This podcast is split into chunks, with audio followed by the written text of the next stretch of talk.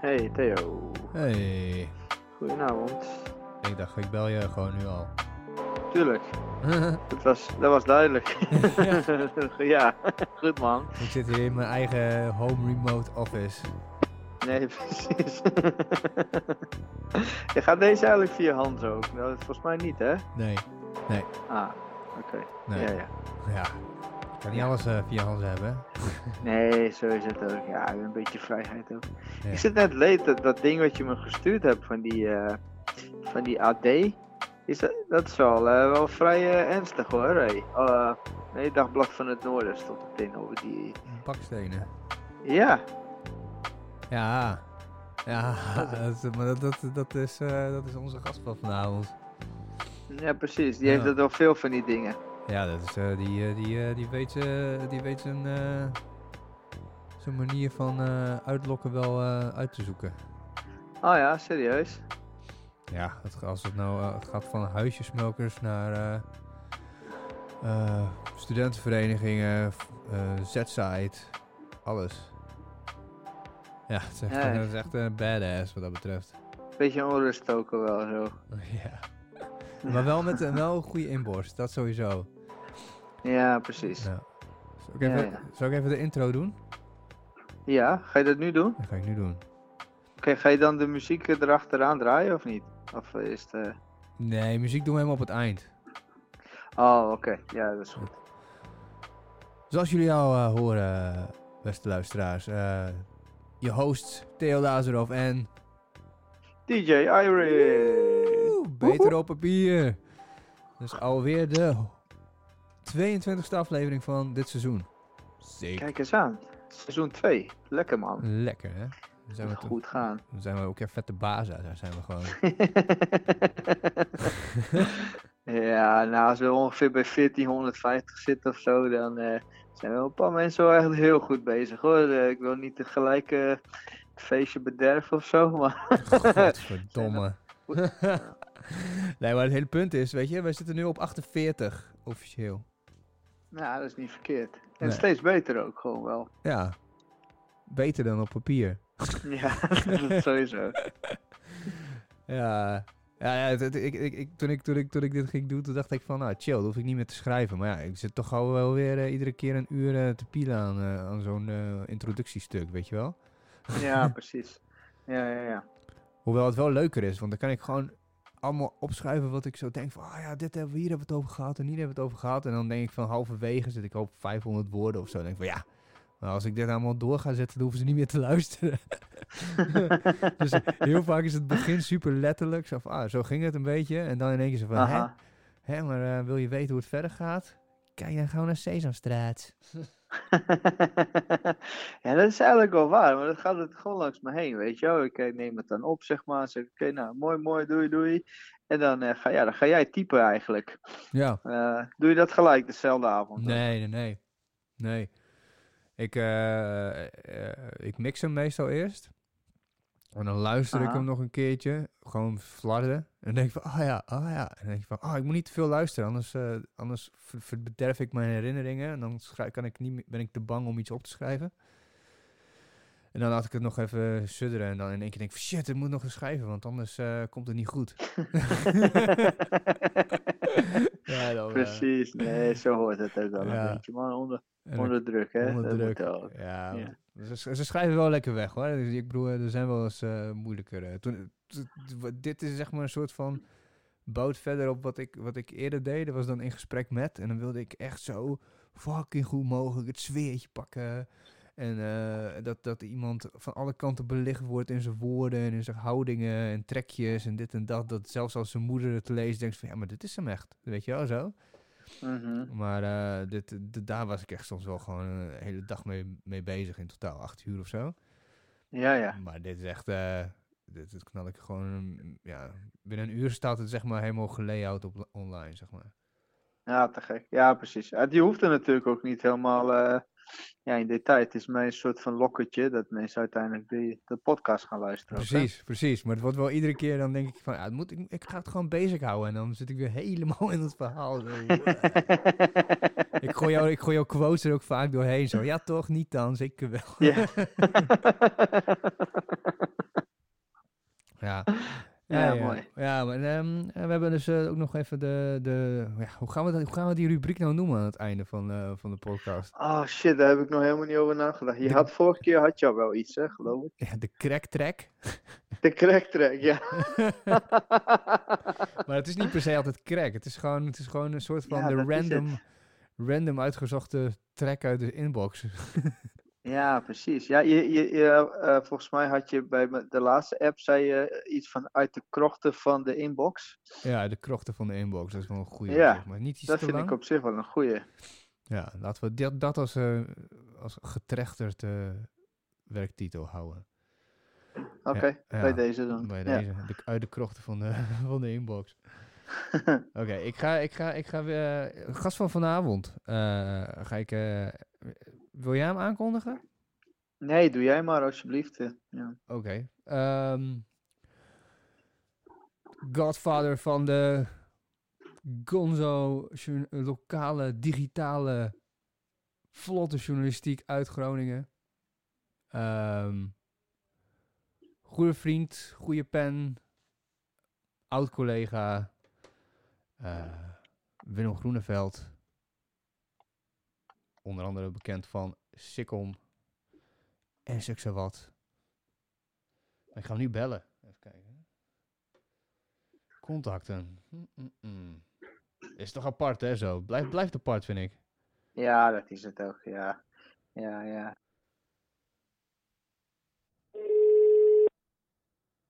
Hallo Theo. Hey, Willem. Mooi. Hallo. Ik ga je samenvoegen, hoor. Dat is spannend. 1, 2. Willy. Of ik bedoel, eh, Willy. eh Irie. Ja? Kijk. Hoppa. Kijk. Ga ik gewoon door mijn headset hier praten of hebben jullie liever dat ik, eh, dat ik mijn telefoon aan mijn oor zet? Doe eens op je oor voor de grap. Even, even, even kijken of er verschil is. Ja, zeker. Hallo. Ah ja, dit is, wel, dit is wel beter, vind ik. Wel beter, dan doe ik het zo. Oké, en als je arm echt te lam wordt na drie, vier uur praten, dan... ik, ik heb een tape op mijn hoofd met mijn telefoon eraan vast. oh ja, precies, precies. Dan moet je even vragen of Leonie hem voor je vasthoudt. Ik hoor jou nu wel een stukje zachter, Theo. Zo beter? Nee, nog niet echt. Hmm. Dat is vreemd. Ja, mijn headsetje was het. Oké, doe je headsetje maar op dan. Gezellig. Nou, weet je, maar ja, als het geluid een stuk kutter is. Nou, ik hoor je nu kri- kri- kristalhelder. Hoe hoor jij ons, eh Ga nog Irie? iets weer. Eh, ja, jij klinkt wel ietsje zachter. Daar ben ik weer, door mijn op zich- Ik heb er op zich geen last van. Eh, volgens mij is het verschil tussen oortje en eh, gewoon eh, ja, handheld, of hoe dat maar heet, is niet echt heel groot. Dus eh, Nee, hè? wat je... Nee, nee, Nou, dan heb ik liever mijn oortje in, als het jullie niet ontrieft. Oké. geen probleem. Wat zei je? Ik moet zachter, zei je? Nee, harder. Kan Harder. dat? Zo? Zo, harder? Harder. Harder. Harder. Kom op, jongen.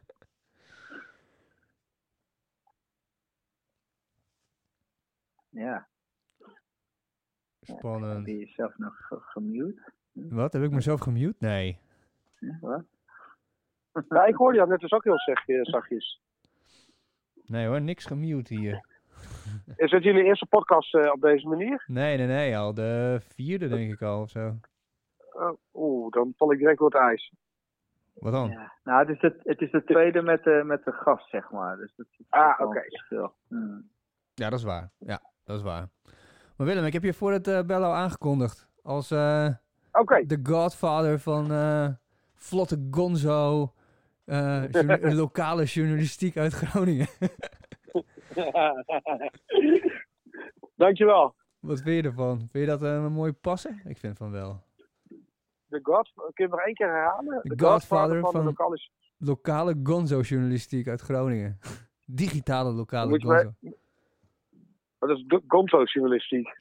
Nou, dat is gewoon ehm, eh, wat dat je dat de opvatting die, die ons een beetje bij elkaar heeft gebracht, voor mijn gevoel. Dat ehm, journalistiek nooit objectief kan zijn, omdat je altijd te maken hebt met iemand die het verwerkt. Ja, En ja, daarom klopt. is het eerlijker om jezelf in je stukken te verwerken. Ah, ja, dan doen we dat. Ja, dan, eh, dan vind ik het een mooi compliment. Hoe is het? Zijn we al begonnen? Ja, we zijn Goed, al lang met jullie begonnen. we zijn al tien minuten aan het praten, man. Voordat jij hierheen kwam. Hoe is het? Ja, ja, wel prima. Beetje gewend aan de nieuwe realiteit eh, inmiddels. Aan de anderhalve meter eh, afstand maatschappij. Ja, en ook gewoon veel thuis zitten en constant met vriendinnen in één huis in één gebouw zitten. En waar ook eigenlijk bijna geen ontsnappen aan is. Niet dat het heel erg is, hoor, maar ja, het is wel even, ja, het is, het is wel wennen allemaal. Maar ik mag niet klagen. Ik ben in goede gezondheid. Eh, mijn naasten zijn in goede gezondheid. Het weer is goed en er, eh, ik, ik verzuip in het werk. Dus dat, eh, verder gaat het prima. Oh, lekker. Lekker. Waarschijnlijk heb je nu meer Ja. werk dan, eh, dan eerst ook. Ja, ja, ja, ja absoluut. Want het, ja, je, je verzuipt het aanbod nu. Er is zoveel te melden. En eh, een mooi voorbeeld daarvan is, is misschien wel, we krijgen denk ik bijna elk uur wel een mailtje of een appje of een pb'tje van weer een nieuw lokaal initiatief van iemand die bloemetjes inzamelt voor de oude bejaarden in de buurt. Dus ja, er, er, komt heel veel binnen nu en ook heel veel serieuze zaken. Dus ik denk dat sinds de uitbreek van corona zo'n zo'n 10, 11 uur per dag heb gewerkt, bijna alle dagen. En maar een paar dagen vrij ben geweest. Oh, jezus. Ja, dat lijkt wel bijna old school gewoon weer, toen je in je eentje was. Ja, ja, ja, daar, ja. Freek was ook nog een weekje met vakantie. Dus eh, toen moest ik er helemaal mijn eentje even killen. Ja, en, en dat komt ook, want de, de, de bezoekcijfers waren heel goed. En dan is het niet per se maar om het bezoek te doen, wat wel leuk is. Eh, maar daar blijkt ook wel dat, dat mensen wel behoefte hebben aan lokaal, eh, lokale informatie, lokaal nieuws op, op coronagebied. Dus ja, dan wil je ook gewoon in die, eh, in die behoefte voorzien. Ja. Dus dat wil ik dan. Want wat, wat, wat is nou een, mooi initiatief dat je in de afgelopen dagen hebt gekregen binnen? Dat je denkt van, nou, vet. Nou, ik, ik vind eigenlijk best wel veel initiatieven mooi. Wat ik, wat ik, wat ik de leukste vind is dat ik, als ik gewoon door de stad loop en, en kleine, kleine blijken van waardering zie. Achter een raam of een stoeptekening voor iemand. Eh, gisteren liep ik door Zelmond en stond er heel groot op de stoep getekend. Ik weet de naam niet meer, maar laten we zeggen Martin van Harte met je vijfde verjaardag. Riepen de piep hoera. En er woonde iemand waarschijnlijk, een jongen van vijf hoog in die flat, die die naar buiten kon en geen visite kon ontvangen. Maar ja, dan op die manier Oh, wel ja. een hart onder de riem krijgt. Maar dat, dat vind ik eigenlijk misschien wel het mooiste. Dat het gewoon, zonder dat er verder rugbaarheid aan is, maar dat mensen het eigen beweging, met huisvlijt wat moois maken om anderen anderen te steunen. Ik ging vanmiddag even een rondje lopen en eh hashtag paddenpoel. En, ehm, Ja, en eh, toen, eh, toen stond er dus een, eh, een eh, oudere man met zijn gitaar. En dan heel schattig Ja. met zo'n, eh, met, hoe heet ehm, hoe heet zo'n ding, zo'n zo'n eh, standaard waar je je noten op kan zetten. En, ja, die, en die stond dan eh, keihard te, te blaren met zo'n klein versterkertje erbij. Eh, ook wel gewoon, volgens mij iets van, eh, van Eagles-achtig nummertje, Hotel California of zo deed hij. En er stonden allemaal bejaarden dus uit die flat, die Bernlef flat, die stonden allemaal op ah, het balkon. gek. Dat was echt fucking mooi. Ja, ja ik, ik, nu, je, nu je dat vertelt, ik was, denk ik, oh, ja, het gaat, de tijd gaat, lijkt, gaat zo langzaam, waardoor het zo lang geleden lijkt allemaal. Maar ik denk anderhalf week geleden was ik de 10 Speed coverband, ik kende ze niet. Kennen jullie ze? 10 Speed coverband. 10 coverband, ja, weet ik, ja, ik ken het ook niet. Maar die, die gingen langs drie, eh, drie Groningse verzorgingshuizen samen met een eh, hoogwerker. En dan werden ze zo'n bakje gehezen. En dan kwamen ze boven bij die balkons ongeveer op die hoogte te hangen. En dan gingen ze een half uurtje optreden met liedjes van André Hazes en zo. Oh, En ik, ik was eh, in eh Corpus en Hoorn. Ik weet niet meer hoe dat verzorgingshuis heet. Maar daar zaten mensen die, die ook niet per se heel oud waren. Maar die ook bijvoorbeeld met, eh, met de herseninfarct of iets dergelijks allemaal functies hadden verloren en daar zaten. Ja, dat was echt fantastisch. Die mensen begonnen te zingen. En nou, zelf wat jij zei, de balkonnetjes stonden vol. Mensen kwamen met rollator en, en eh scootmobiels naar buiten. En iedereen begon te lachen. En ik, ik had mijn zonnebril op, maar ik was gewoon aan het huilen achter die zonnebril. Was, Zo mooi vond ik het. Ja, Ja, nou ja, huilen niet, niet, niet tranen met tuiten, maar wel, ja, wel even een traantje weggepinkt. Ja, dat is wel vet hoor. Want ik, wat mij dus opvalt is dat het, het, je bent dus meer van elkaar, je, je neemt meer afstand en zo. Maar juist daarom wordt het ook een beetje om die ongemak tegen te gaan. Want je loopt zo op zo'n stoep en dan kijk je elkaar zo aan van, ah shit, Ja. er komt weer iemand aan. Dus we moeten ook een beetje zo afstand nemen. Maar dan kijk je elkaar aan en zeg je even hoi. Het is net alsof je in een dorp woont of zo weer. Ja, Mm. precies. Ook om, om, om die awkwardness een beetje weg te nemen. Omdat je, ja, je kijkt elkaar zo aan van, oké, wie, wie doet een stapje opzij als eerste? En het zijn allemaal van die awkward momentjes geworden. En, en de kleine groet eh, breekt dat ijs een beetje. Dus ja, dat, dat merk ik ook, dat mensen meer beginnen te groeten. Dat eh, brengt elkaar toch wel wat dichter bij elkaar. En zelfs als je bij het rijdiep loopt, waar ik dan loop, dan, eh, dan kijk ik wel eens om. Er zijn van die, van die bunkers, vind ik dat. Echt van die vette, vette blokken van, van huizen, zeg maar. Niet flatgebouwen, maar Ja. echt mooie, chique architectuur. En dan eh, zitten er van die lui op die balkonnetjes of zo. En dan kijk je omhoog en dan kijk je elkaar aan. En normaal gesproken zou je gewoon doorlopen of zo. En nu is het, hey, mooi, hey, hey, eh, mooi weertje, ja, Ja, mooi weertje. ja. Ja, eh, klopt. Mooi gebied om daar te wandelen trouwens. Zeker, ja. Ja, het is echt heel mooi. Alleen dus iedere keer als ik daar ga lopen, lijkt het wel piekuur. Ik heb het echt- Ja, hè? Ah, Ik, ik loop iets, iets verder meer richting het Zakenborgkanaal. Probeer ik nu mijn dagelijkse stappen te zetten. Dat is de achter de Hanze is dat al, eh, hè? Toch, van Starkenborg? Ja, ja, precies. Ik, ik woon in hetzelfde tuinwijk, dus ik, ik loop hier de wijk uit over een van de oudste wegen van Europa heen. En dan kom je direct in een vet mooi gebied uit. In het oudste cultuurlandschap van Europa. Is dat echt zo? Dat is echt zo, ja. What the fuck? Daar werd, eh, voor, voor de 4e, 5e eeuw van Christus werd het al bewoond. Je hebt er ook nog, in het landschap als je daar loopt, zie je ook nog eh, de oude beddingen van de rivieren lopen, van de Hunsen bijvoorbeeld. Daar stond aan de oevervlak werd verzaakt genomen vroeger een enorm klooster. En iets verderop in het veld stond een enorm kasteel. Dat is allemaal weg, maar je ziet, eh, je ziet de contouren daarvan nog wel in het landschap. Sick. Wist jij dat, Irie? Ja, geen flauw idee. Nee, man. Ja, wel, een- Dat wel is- interessant. Als je daar bij die, eh, bij die Paddenpoelse brug bent, eh, als je daar het land in steekt, daar, Ja. daar, daar is dat. Ja, ja, dat ik begint het er natuurgebied, de zeg hoek maar. daar zo, dus je komt er best wel veel ook, ja. Maar eh, ik kan me voorstellen dat het gewoon...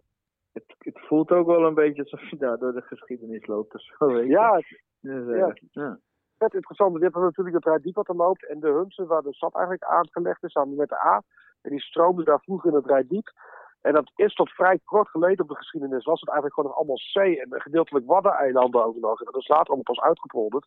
Maar je had een van de oudste wegen, die loopt hier vanuit de stad zo richting, langs Zelmen, richting Adorp, langs, eh, langs de oude Hunsen. Naar Die weg slingert ook nog een beetje. Ja, bij, ja tussen, als je, bij die vogelopvang had je daar vroeger. t- Tussen de spoorbrug en de Paddenpoelsebrug. En als we die weg lopen, dan zie je, de, de- zie je het oude riviertje nog een beetje stromen. Stukjes. Dat is echt mooi.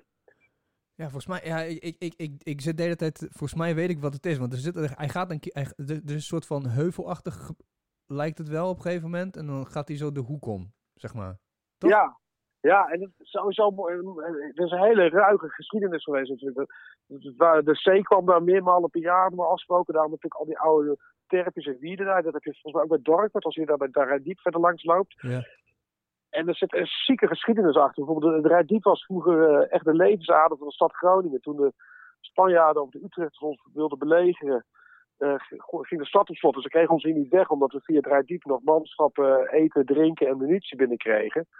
En ik weet niet meer welk dorpje dat was. Ik weet niet exact welk jaartal meer, maar op duur waren de Spanjaarden er zo klaar mee dat ze ergens tussen, tussen Zoutkamp en Groningen, bij een vissersdorpje, dat wilden ze, dat wilden ze handen hebben, om, om de stad Groningen op de knieën te krijgen. En ze hebben toen alle honderd inwoners van het dorp verdronken in, de, in het Rijdiep. Wat? Ja. Oh, Ja. jezus. Oh, jezus. Dat is heftig ook. Ja, er is echt een zieke geschiedenis ligt er in dat, eh, in dat stukje, stukje Groningen. God damn it. Gewoon echt rauw, rauw. Ja. Nou, dat vind ik een mooie opening van, eh, van dit gesprek. Dat wist ik helemaal niet. Hoe wist je, hoe wist je dat? Heb, je- hoe- Nee. Wanneer ben je erin gedoken? Nou ja, ik, ik ben sowieso al fan van geschiedenis. En, eh, ja, ik, ik loop daar heel vaak, al, al jaren eigenlijk. Of ik fiets daar heel vaak in het gebied hier. Je hebt daar bij die oude punten en markeringen heb je vaak ook nog ja, van die borden staan met informatie over, eh, over wat er vroeger af, zich afspeelde. En tekeningen van vroeger. Mhm. Dat, dat heb ik allemaal in me opgenomen. En, en ik ben er gewoon op gaan googelen.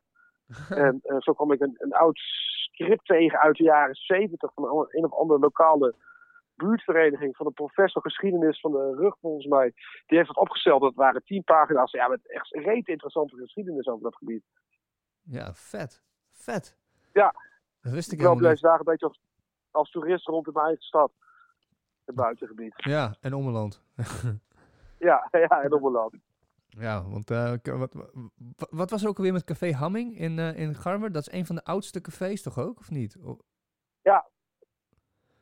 Gruwelijk. Ja, dat was ook wel een bijzonder dorpje, want dat lag vroeger dus helemaal niet aan het water. Dat Rijdiep slingerde er helemaal omheen. Er, er werd vroeger ook gezegd als kapitein dat, dat schippers dachten dat ze dronken waren. Omdat het riviertje slingert zo door het landschap, dat ze die toren van Garnet, die kwam 17 keer in beeld gewoon. Die verdween alweer uit beeld, dan kwam hij weer een bochtje door, kwam weer in beeld. En daarom dacht de schip altijd dat ze dronken waren. Maar dat, dat, de, rivier liep eerst daaromheen. eh maar dat stuk tussen Wierenderschouw, of tussen het Starkenbachkanaal, Wierenderschouw en, en Garm, is eigenlijk uh, grotendeels rechtgetrokken. Gewoon kunstmatig. Als, uh, als een kanaaltje. Ja, ja om, om de verbinding te verbeteren. Dankzij het diep had je vroeger ook gewoon app en vloed in de stad, hè? Echt?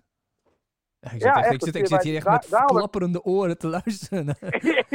dat wordt een geschiedenispodcast. nou, ik vind het mooi hoor. Ga, ga, ga, ga gerust door.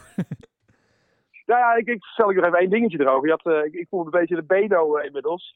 Maar uh, je had vroeger, of nee, je hebt nog steeds je hebt het hoge en het lage der A. En dat was vanwege de eb en vloed. Als het hoogwater was, werd aan het hoge, A, hoge der A gelost. En als het laagwater was, was het werd aan het lage der A gelost. Hm. Tot, uh, tot diep in de 18e eeuw volgens mij. Toen is er een sluisje gekomen bij Wierenderschouw. En uh, toen was even vloed, vloed weg. Dat moet ook raar geweest zijn voor die lui. Ja, ja. Gewoon zilt, uh, zilt, zilt water hier in de, in de stad. Ja. Ja. Apart ja. Ja, mooi hè? Ja, heel mooi. ik vergeet ook de hele tijd dat wij bijna buren zijn inderdaad. Jij zit in, uh, in, uh, in de tuinwijk. Dat is echt om de hoek. Ja, we hebben hetzelfde uitzicht. Ik kijk ook uit op die uh, twee nieuwe torens die gebouwd worden. Ja, precies. Ja, alleen van de andere kant. Ja, ik zit de hele Ja, tijd nog. Ik, ja. ik zit de hele tijd met een, eh, met een idee van. Ik moet nu echt gewoon een, een soort van hashtag paddenpoel slim dingetje van maken. En er moet iets met kraantje papi zijn. Want het zijn twee kraantjes, weet je wel? Twee kranen. Ja, Maar ik weet nog steeds. Ja, ik vind ah, alles wat ik, wat ik bedacht heb tot nu toe is gewoon super lame. Dus ik. Nou, er is al- een tijd geleden is er een keer zo'n zo, zo paar van die vloggetjes zijn in Groningen geweest. En die waren op de Martinitoren, toen werd het forum gebouwd. Toen stonden er ook twee van die grote kranen langs het forum. En toen hadden ze in die vlog zeiden ze van, kijk, daar heb je kraantje papi en mama papi. Of mama eh, een kraantje mammy. Kraantje mammy, inderdaad. Ja. Ik had het nog voor die torens, toen die ge- gebouwd gingen worden, toen had je daar, eh, was- het zo om, eh, om, eh, omsingeld met, met hekken. En, er, en daar stond er zo niet betreden op gevaar van drijfzand. En toen, Ja. en toen dacht ik van, ah, ik moet nog even een mooie foto maken, want er moet even een Indiana Jones moeten in, weet je wel? Drijfzand. Ja, ja. Want toen was ik te laat, dus ik moet nu even opschieten, anders, anders zijn die kranen daar straks weg, joh. Want er wordt nog gewoon volop gebouwd. Ja, ja, zeker man. Dat schiet echt enorm de, om, enorm de lucht in. Wat ook twee behoorlijke torens. Ik weet nog wel dat ik bij die eerste toren jou heb gevraagd nog een keertje of daar een timelapse van wilde maken. Ja, precies. Ik heb het een tijdje, Ja. gewoon een paar dagen gedaan, zeg maar. En toen op een gegeven moment, toen vergat ik het. Toen ging ik het weer doen. Toen vergat, vergat ik het weer. Ik dacht van ja, je moet ook iedere keer, Ja, op hetzelfde, je moet iedere keer op hetzelfde punt ook gaan staan, zeg maar. Om het, eh, om het goed te ja, doen. dat vergt wel, wat, vergt, vergt wel wat discipline. Ja. Ja, nou ja, dan, heb je dat. je dat Bij mij is het op zich, discipline is niet zo heel erg. Maar als ik dan aan het Dat lopen wou ben... ik zeggen. Ja, toch nog een haarscheurtje in mijn discipline. Ja, ja, toch nog gevonden. Bakjes. Ja. Hé, maar hoe, eh, hoe, hoe zien jouw dagen er, er nu uit dan eigenlijk? Ja, er is op zich niet zoveel veranderd. Terwijl, eh, behalve dat ik alleen nog naar- naar huis werk. Maar ik word rond een uurtje of tien eh, rustig wakker. Dan heb ik een kopje koffie, dan lees ik de krant en dan, eh dan slinger ik de laptop aan. En dan, eh, en dan ga ik aan het werk. En ik ga nu meestal aan het einde, richting uurtje of twee, drie, ga ik de deur even uit voor een forse wandeling. Want ik, ik, ik heb me voorgenomen, toen corona losbrak, van ik wilde wel iets positiefs aan overhouden. Dus ik ga zoveel mogelijk eh, proberen te bewegen wat af te vallen Mhm. ik, ik probeer elke middag zo'n 10.000 tot 15.000 stappen te zetten. Dat lukt me tot nu toe aardig. En dat is wat, eh, eh, en vijf de kilometer ongeveer of zo? Zes kilometer? Nou ja, ik begon met 5, 6 kilometer, maar ik, ik heb zo net eh, een, eh 10 kilometer gelopen. Lekker. 15.000 stappen. En gisteren 12 kilometer. Lekker. Ja, allemaal in dat gebied daar. Ah ja, dus, eh, dus eh, dat zou best wel kunnen dat ik jou tegenkom dan binnenkort. Ja. En, ja, en voor de rest dan kom ik terug en dan ga ik nog weer verder werken. Een hapje eten en dan s'avonds nog werken tot een uurtje of tien. En dan nog even chillen met een serie of, eh, of een beetje Playstation of een boek lezen. Want jouw, jouw vriendin is ook gewoon journalist, dus dat, dat, zou, dat is wel mooi, want dan hebben jullie wel een beetje een soort van eh, gelijk ritme, denk ik, of niet? Nee, nee, zij is veel stipter in de ritme. Ze hebben, ze hebben ook elke ochtend gewoon nog ouderwets, ouderwets, ze hebben elke ochtend redactieoverleg, volgens mij om 9 uur op, de, op Zoom. En dat hebben wij niet, wij, komt- wij overleggen constant via de app. Ja. Het is gewoon een en dus zij, gaat er wel door. gewoon om 8 ja, want zij gaat er gewoon rond 8 uur s ochtends uit en, eh, en begint dan te werken. En ik, en ik ga er rond 10 uur uit. En zij gaat ook eerder op bed. Dus Op die manier heb ik nog een beetje alleen tijd. Ah ja, oh, ja dat, is, dat is wel belangrijk hoor. Dat, heb ik, uh, dat, dat, dat, leer ik nu ook een beetje van. Uh, zo, uh, nu, nu moet er even duidelijk een scheidslijn komen. Schatje, ik, ik ga in de slaapkamer, jij gaat daar. Check je later. Ja, ja, het is wel lastig, hè? want ik, ik, ik heb dus ook, want zij werkt ook al drie, vier weken thuis. Dus we zitten boven op, elkaar, op elkaars lippen, maar zij werkt meestal boven en ik beneden. Maar het, is, het is wel balanceren af en toe een beetje. dan heb je nog mazzel, want uh, ik heb een uh, twee-kamer appartement. Dus wij hebben gewoon een hele grote woonkamer met open keuken erin. En daar zitten we echt, uh, zij zit in de ene kant van die kamer en ik aan die andere kant. En dat is het eigenlijk. Die slaapkamer ja. heb ik echt gewoon schoon moeten maken om een beetje een, een, een chille plek te hebben. Ja. ja. ik ben er ook wel gelukkig bij. Ik, ik klaag ook niet verder wel, maar... Uh, en, uh, ja, en zo zien de dagen eruit. En ik ben ook blij dat dat er volop werk is, want ik, ik heb me nog geen moment verveeld. Ja, dat is ook interessant. En ik, ik vind het, eh, wat vind jij ervan, Airi? Het, is, het wordt wel een hele interessante manier van communiceren ook, hè? Uh, wat doe je dan precies op? Nou ja, gewoon, gewoon hoe, hoe, hoe, alles gaat. Zo van, uh, nou ja, vroeger dan belde je elkaar of, dan, dan, dan, of je liet niks van elkaar horen. Maar nu gaat iedereen, omdat hij thuis zit, aan het zoomen en zo. En al die shit, dan is, dan is in, in één keer met mensen die je anders ook niet zo zien... ga je ook in één keer conference callen en shit doen. Dat heb je waar, ja. ja, ik, ik, bij mij valt het wel mee. Ik heb niet heel veel conference calls gehad. Een stuk of drie of vier misschien nu totaal. Nou, dat heb ik wel, ja. In één keer ook met vriendengroepen. Zo van, nou, laten we dan ook maar gewoon uh, conference callen met z'n allen. Terwijl je dat daarvoor ook prima had kunnen doen, want je woont niet bij elkaar in de stad. Maar nu in één keer, omdat het zo in je systeem gesleten is. Ja, ja, klopt. We hebben wel een paar afspraken samen met een paar vrienden om wat te gaan doen met een biertje erbij. Dat is wel waar, ja. Uh, ja. En ook mensen even, even checken bij mensen die je al de hele tijd niet hebt gezien, terwijl je dat ja. anders eigenlijk ook niet echt zou doen of zo. Nee, precies. Toch in, ja, één keer, in, in, één keer mensen buiten de stad of zo lijken in één keer super ver weg. Zo van, wow, shit. Ja, yes. Misschien zie ik je gewoon nooit weer of zo, weet je wel. Ja, je bent ook heel liefdevol. Hè? Afsluiten met hou je taai. En, uh... Stay safe. kop ja. de veur. Ja, kop de veur. Ja, ja. hou, stijf, hè? Hou stijf. ja, ja. Ja, ja, je had toch een hele ja, oude oma, Willy? Ja, die is, uh, die is uh, een tijdje geleden overleden. Ik denk drie kwart jaar geleden of zo. Oh ja, oké. Okay. Okay. Die had ik wel. Want ik dacht van... Uh, maar Leonie heeft toch wel Leonie heeft nog wel een oude oma in Leeuwarden die 95 is, maar is ook sneu. Maar, uh, maar conference callen jullie dan ook met haar? Nee, ik bedoel, maar uh, hoe, hoe, hoe, heeft ze daar contact mee? Of heeft ze daar überhaupt contact Ja, niets, niets. Haar, haar, haar, zoon komt af en toe nog langs om, uh, om een beetje het huishouden en zo te doen.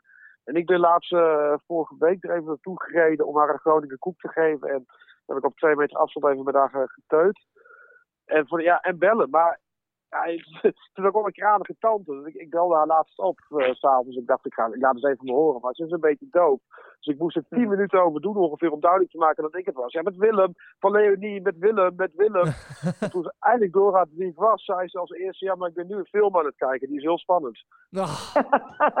dat had ik dus laatst ook met mijn, met mijn oma in Bulgarije. Echt, echt bijna, bijna precies hetzelfde. Dan altijd maar zeiken van... Ja, en uh, geen familie hier in Bulgarije en dit en dat en bla bla bla. Als je daar bent. En dan bel ik haar en dan hoor je haar zo'n beetje aanwezig. Zo, hoe is het? Ja, goed. Maar... Uh, hoe, hoe, is, hoe is het? Ja. Wat, wat, je zeggen? Nou, hoe is de situatie in Bulgarije? Heb je daar zicht op? Uh, nou, ze zijn uh, eerder in quarantaine gegaan dan uh, Nederland, volgens mij. toen er nog veel minder mensen ook ziek waren of opgenomen. Mm, dus ja. ik, ik, denk dat de piek nog gaat komen. Maar Bulgarije is ook niet zo heel veel mensen. Hè? Dat zijn echt 7 miljoen of zo, 7,5 miljoen. Dus, en het is ook heel erg, alles zit in Sofia en de rest is allemaal heel dun bezaaid over het land. Dus ja, Ik, ben benieuwd hoe, hoe, misschien is dat, werkt dat wel in hun voordeel uit. Wat ik wel gehoord had, is dus dat uh, de eerste uh, patient X in Bulgarije, de eerste patiënt, die, die, die werd gelijk bij het vliegveld opgepakt en gezegd van, jou, jij gaat in quarantaine. En toen werd hij diezelfde avond, of de avond erop, werd hij vet zat op straat aangetroffen terwijl je tegen allemaal mensen aan het lullen was en aan het schreeuwen en zo. Dus dat was ook. ik weet niet hoeveel mensen die daar uh, allemaal besmet heeft, maar. Nou, lekker dan. Een beetje zoals die Nederlandse DJ in de Alpen. Ja. Ja, oh, heftig. Ja, ik was dus in Oostenrijk Ja. voordat de grens dichtging. Ik kwam echt de dag dat de Oostenrijk de grens dicht Ja? deed, kwamen, kwamen wij uit Oostenrijk terug. Zo van, oh jee. Ik, Maar, was je op wintersport daar? ja, ja. Even, eh, nou, eh, Maar ja. zo laat toch, want, want dat was wel, ik ben even kijken, van 15 februari tot 22 februari ben ik naar Zell op Zee geweest. Ik was Oh, er ook. Ik- ja, daar was ik dus. Daar was jij, maar ik, ik dacht toen al, want jij bent later geweest, toen dacht ik al van, ja, ik weet niet man, met al het corona en zo, of dit nu nog wel heel verstandig was. Alleen toen was het echt nog, ja, toen was het nog niet zo heel heftig. Nou, toen wij weggingen, toen, eh, toen eh, hebben we wel echt gekeken. Want we wilden ook gewoon milieubewust er naartoe. Dus gingen we met een nachttrein, wat natuurlijk ook fucking hel was. En ehm, eh, toen... eh, wa- w- de dag, wij, wij zijn toen op een woensdag weggegaan. We zijn echt zo'n soort van lang weekend gegaan. Dus woensdag weg. En ehm, toen was het nog gewoon een, geen risicogebied. Overal gecheckt, er was niks aan de hand. Ja, En, ja, ja, dan ga je toch ja. ja, dan ga je en dan kwamen we, Want- toen we terugkwamen. toen- ik, ja. Ja. Toen we terugkwamen, toen, maar. toen ging het allemaal dicht. En toen hoorden we de week later dat alle plekken waar wij geweest waren op één apres-ski na, waar ik dus bij was, eh, dat die allemaal eh, dus coronabesmettingen hadden. Dus ik was eigenlijk heilig van Ja. overtuigd dat ik het had. Maar ik heb verder... bizar hè, daar, Ja. Want ik zat dus ook in op Zee, ook met de trein geweest, eh daar naartoe gegaan trouwens. En ik heb een te gekke vakantie gehad, hoor. Eh, heerlijk geskiet. En- Maar ik heb wel twee dagen enorme keelpijn gehad. Hmm. Eh, maar verder niks. Dus ik, ik vraag me dat ook af, heb ik het wel gehad? Want Zell op Zee is wel een van de brandhaarden van Oostenrijk geworden later. En, eh, en ik ken iemand die is twee weken na ons naartoe geweest. En die heeft daar corona opgelopen. Oh, sick. Die is nog, die is nog even in het ziekenhuis geweest in Nederland. Oh, wow, heftig. Ja, Ja. ja. hij, is, hij is er wel goed vanaf gekomen. Maar Nou ja, ik, ik, ik durf het niet. Ik, ik, ik zou echt absoluut niet willen zeggen dat ik het heb gehad. Want ik denk dat het wel heftiger is dan, dan gewoon dat. Want weet je, anders had Jenny ook wel iets gehad thuis toen ik thuis kwam. Dus heb ik Ja. echt ook op Ja, je weet, je weet het niet. Ik, ik, ik- toen ik eh, naar mijn ouders ben gegaan, mijn eh, neefje en nichtjes en mijn zusje, die zijn vervolgens allemaal ziek geworden nadat ik er ben geweest van Oh ja? Oh, wow. Echt, oh, oh, goed ziek ook. Maar jij, jij zegt net tussen deze lippen door dat je die nachttrein een hel vond. Ik ben met een dagtrein daar naartoe gegaan. Ik vond het echt eh, te gek. Nou ja, we gingen eh, met Cordify en toen gingen we dus ehm, met de Nightjet. En dan, eh, dan ga je dus vanuit Düsseldorf. Amsterdam, Düsseldorf, ja. Ja, dus ja, je, je moet eerst dus naar Düsseldorf en dan na- van, vanuit Düsseldorf naar Moet je het zeker? Jernbach. Heet dat volgens mij? Dat is net vlak over de Oostenrijkse grens. Jernbach en van Jernbach ga je naar, nou wij zaten dus het Zell am Ziller. Dat is echt vlakbij. Oh, zelfs, ja. ja.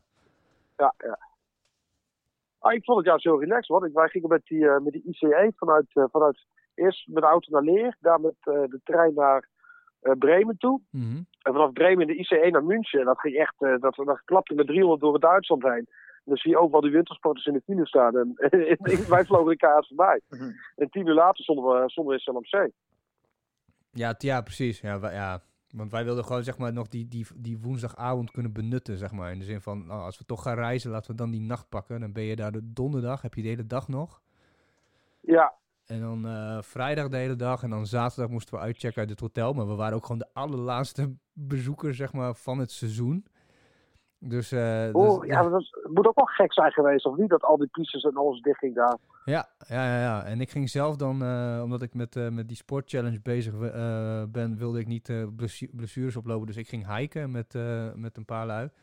Maar die, die, die, mijn collega's hebben echt de, de tijd van hun leven gehad daar. Die zeiden zo van, fucking mooie pistes, helemaal voor jezelf. Helemaal leeg. Ja. Ja, te gek.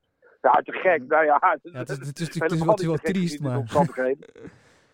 Ja, Ja, dat Oh. was, het was wel, eh, het was wel een heel, heel apart. Want je zat ook met, eh, op een gegeven moment, toen, toen zeiden we ook tegen die vrouw van, de, van het hotel van, joh, mogen we misschien later uitchecken? En ze- zei ze, ja, ik ga het overleggen.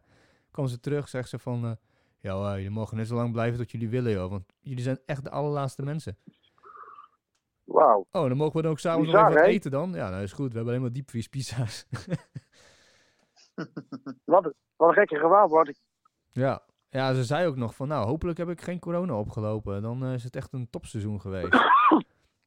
Ja. En eh, we vroegen nog van, eh, ja, maar even, hoe lang zou het anders nog doorgegaan zijn? En toen zei ze van, eh, ehm, nog vier of vijf weken of zo.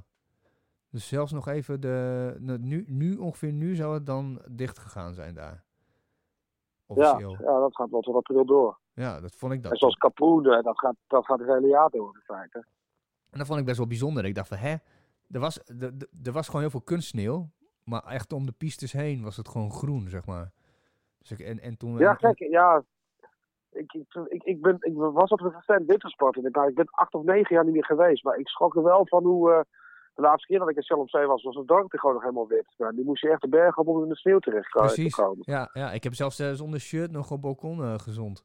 Gewoon eh, 20 graden. Ja. ja, ja, dat is niet goed, man.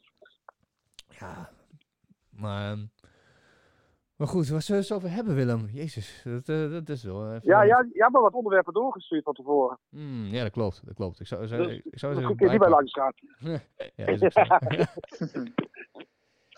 nou ja, eh, nou, ik heb hem Irie ook doorgepaasd, want ik heb- nu de hele tijd aan het woord. Irie, anders, anders eh, pak jij één uit het lijstje. Oké, een momentje. hoor. Zal ik hem er anders even bij pakken? en jezelf antwoord geven. Ken jij DJ Irie eigenlijk wel? Wat zeg je? Ken jij DJ Irie eigenlijk wel? Ja, het was van, eh, van Beter op Papier. En- Ah, heel goed. Nou, beter. Ja, dat is ook mijn beste product tot nu toe. Dus, eh, maar verder eigenlijk niet zo heel goed, sorry. Dat maakt niet uit. Eerlijk, daar ben ik af en toe best wel blij. Want sommige, ik ben heel vaak zo iemand die mensen kennen mij dan wel.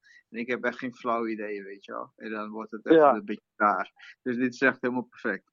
Ehm, Oké, maar waar, waar, zou ik jou kunnen, waar zou ik jou voor kunnen kennen dan? Andere? Ik, ben, ik ben lokaal DJ, maar ook eh, internationaal. Zeg maar, ik heb veel wedstrijden gewonnen. Dus ik ben ja, eigenlijk de enige Nederlandse wereldkampioen eh, scratch ook. oh, maar dan hebben we wel eens een stukje over jou gehad. Ja, ik heb toen een Eh, stukje over Red Bull geschreven toen. Of over een Ja, filmpje of iets. Was het niet eh, voor mijn radioshow? Was het toen niet voor Sikkom, Theo? Eh, nee, ik heb, eh, ik, heb een, ik heb jou toen geïnterviewd. Toen ik zag dat jij de Red Bull Challenge eh, had gewonnen en naar Polen ging. Ah, Daar heb ik jou toen Ja, Ja, geïnterviewd. eh, eh. ja, nou, dat. En Matthijs Zorgdrager heeft nog een keer een filmpje met jou gemaakt, toch? Wie? Matthijs Zorgdrager van Dagblad. Ja, klopt. Ja, van Dagblad. Dat Ja. was ja, relatief recent eigenlijk. Dus met vorig jaar. Ja, dat- zo. Dat, dat filmpje hebben we ook op Sikkom gehad. Ah, kijk aan. Nou, ja, Ja, ja, ja, dan weet ik het wel. Hallo? Hallo. Even kijken. Ik zit nog heel ondertussen even dat lijstje te kijken. ja, Eh, kijk hem maar even. Zou ik er dan alvast eentje ingooien? Ja, doe maar. Nou Willy, eh, sinds wij eh, eh, met elkaar gewerkt hebben bij Sikkom. want Jij begon je eentje. Toen, kwam, Ja. toen werd het team uitgebreid met 100%. Toen kwam Lieselotte bij. Ja, er kwam Lieselot erbij.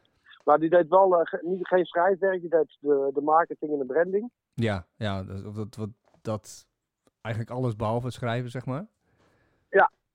Ons in het gereel houden. En ja, precies.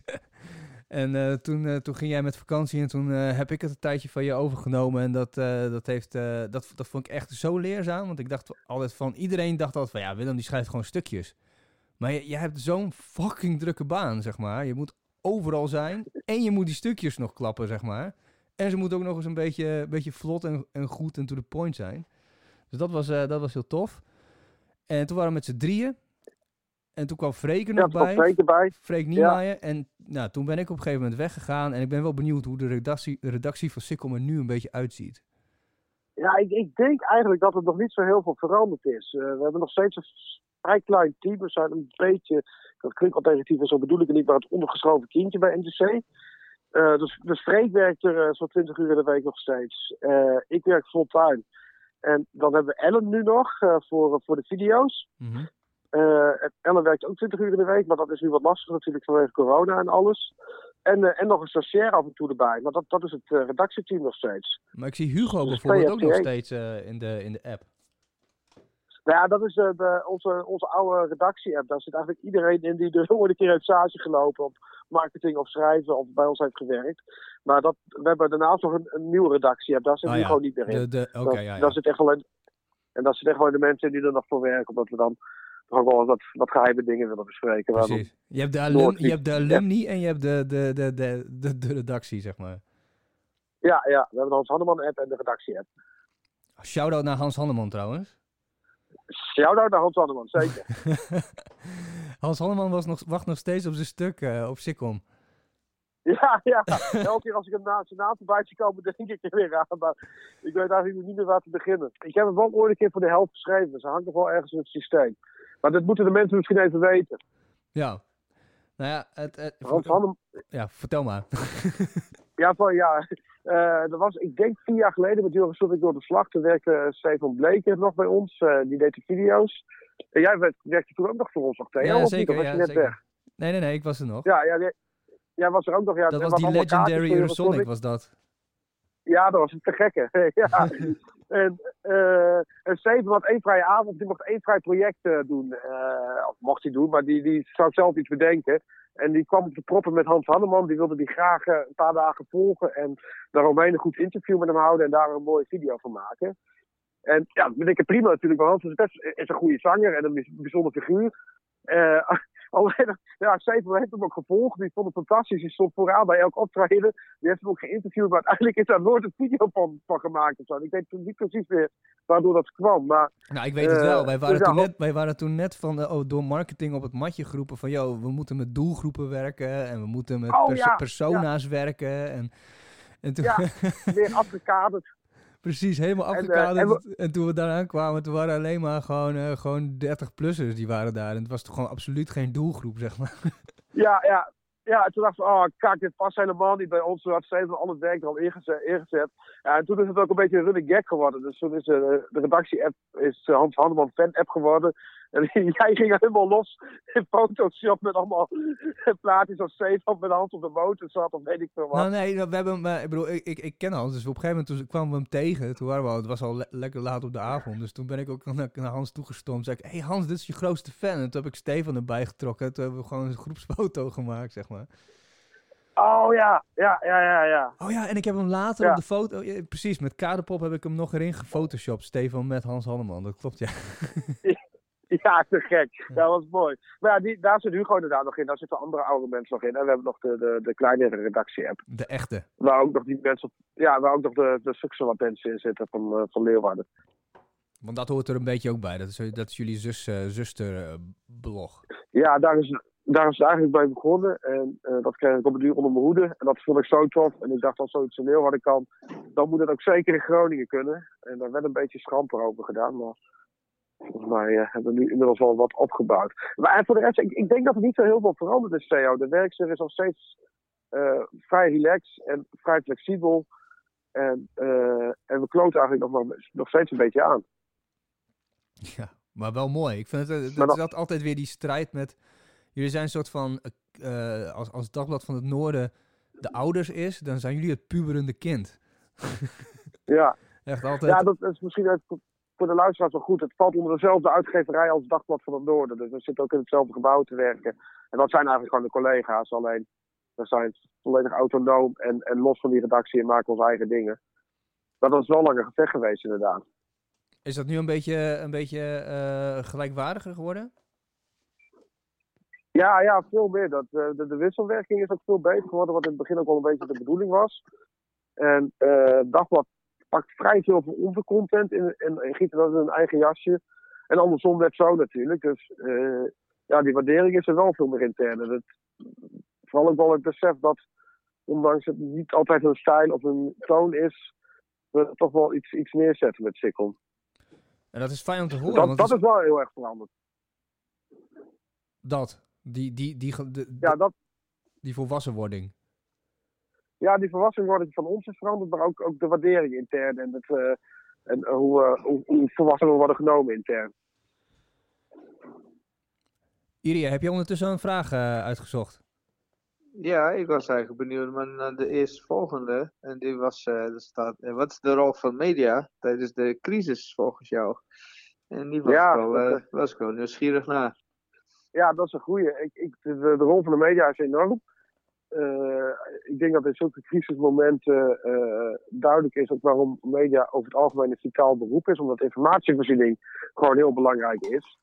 Eh, en dat zeg ik niet alleen uit idealisme, maar dat, dat blijkt ook wel uit alle bereikcijfers van Dagblad van Noorden, maar ook van Sikkom en ook van, van TV Noord en alle andere media. Die, die zijn al wekenlang enorm hoog. En dat komt omdat heel veel mensen behoefte hebben aan informatie. En ik ben ook wel blij om te. Je hebt wel heel veel van die complotdenkje gekjes nog en zo, maar het grootste deel van de mensen hebben toch wel behoefte aan gewoon goede, kloppende informatie, wat gecheckt is, wat volgens de journalistieke traditionele wijze tot stand is gekomen.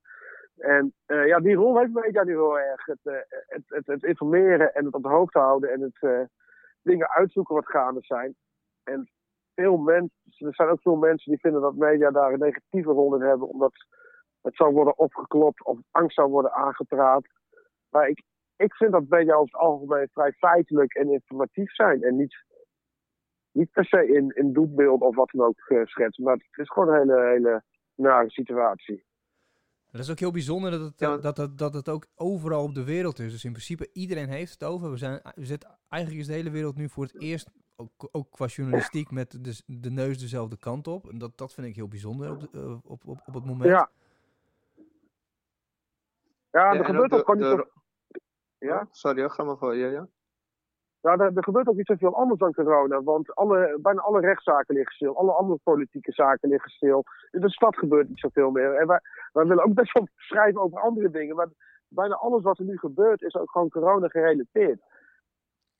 Ja, nee, dat, dat, dat is ook logisch. En dat, dat, dat maakt het ook... Uh, um, ik denk interessant om, uh, om, om, om in het veld te zitten. Omdat je iedere keer gedwongen wordt om uh, een andere, andere invalshoek te nemen. Maar, je kunt, maar het is ook ergens ook veilig, omdat je altijd dat als een soort van achter, achtergrond hebt, zeg maar. Zo van, hoe, ja, gaat hier, ja. hoe, gaat, hoe, hoe wordt het probleem op in, de, in dit kleine hoekje opgelost, bijvoorbeeld? Zo van, net als bijvoorbeeld de, de, ja, de vereenzaming. Nou, dan, dan gaat die man dus met zijn gitaar daar beneden aan het balkon zingen. Oh, wat mooi. Iedereen weet gelijk waar het, waar het over gaat, weet je wel? Terwijl anders het mm -hmm. een of andere gekkie was geweest.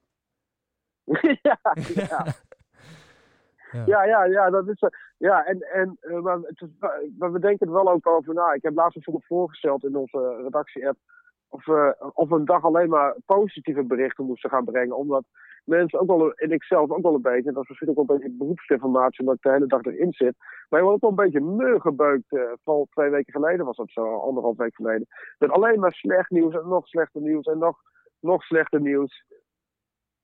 Ja, ja, dus ja, daar dat, ja, er, er was, ook, er was ook vrij weinig uh, moois uit te halen. Want het, ja, dat was het begin van, het, uh, van, van een hele uh, gewoon nog nooit voorgekomen tijd in voor heel veel mensen, zeg maar. Ja. Bedoel, ja. Het wordt ja, vergeleken met, kleine... wordt vergeleken met, met, uh, met, met een oorlogtijd, zeg maar. Dat, dat, dat, dat er een wereldoorlog is, maar dat het nog niet in je land is. Zo Geert Mak hoorde ik, hoorde ik die, die, uh, die link leggen op die manier. En, uh, maar hij zei van ja. ja, maar het mooie is aan, aan de oorlogse tijd is dat mensen meer bij elkaar naar elkaar toe gaan. En nu kan dat niet. Dus nu, dat is nu dat is het verschil, zeg maar.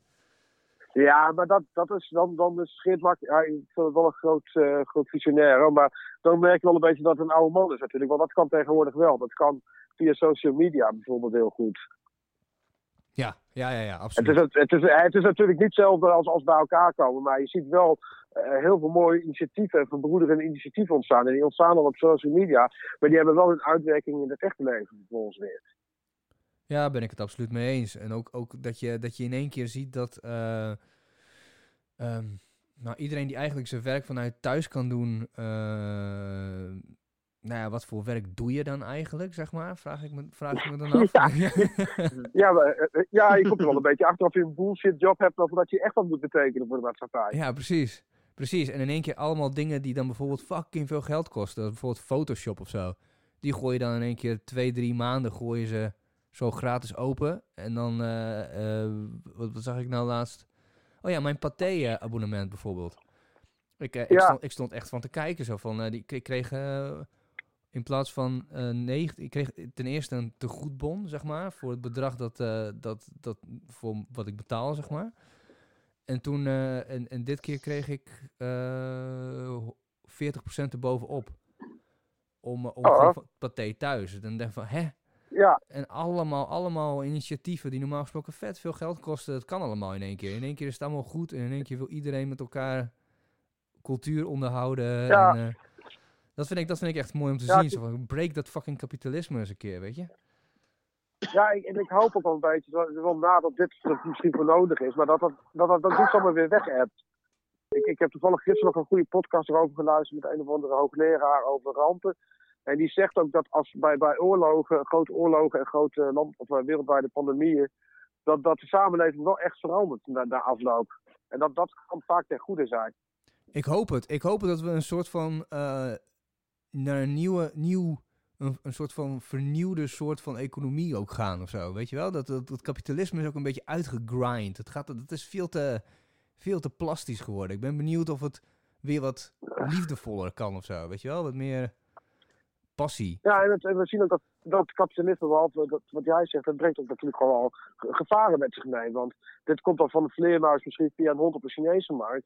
Maar er zijn hier in de westerse Europese eh, vleesindustrie zijn ook genoeg bacteriën en virussen ontsprongen. Eh, de, de varkenspest, de vogeltjesgriep, Q-koorts wat op mensen oversloeg op een gegeven moment. Dus ook, ook, ook hier eh, gebeurt, kunnen zulke dingen gebeuren. En dat zijn ook uitwassen van het kapitalisme. Absoluut, absoluut. En de, ja, het is, het, is, ehm, het is een beetje lastig allemaal. Want aan de ene kant, kijk, ik ben, ik ben dan iemand die zegt van ja, ik wil gewoon heel veel vlees eten. En ik wil gewoon eh, alles wil kunnen doen wat ik, wat, wat, waar ik behoefte aan heb. En aan de andere kant is het ook zo van.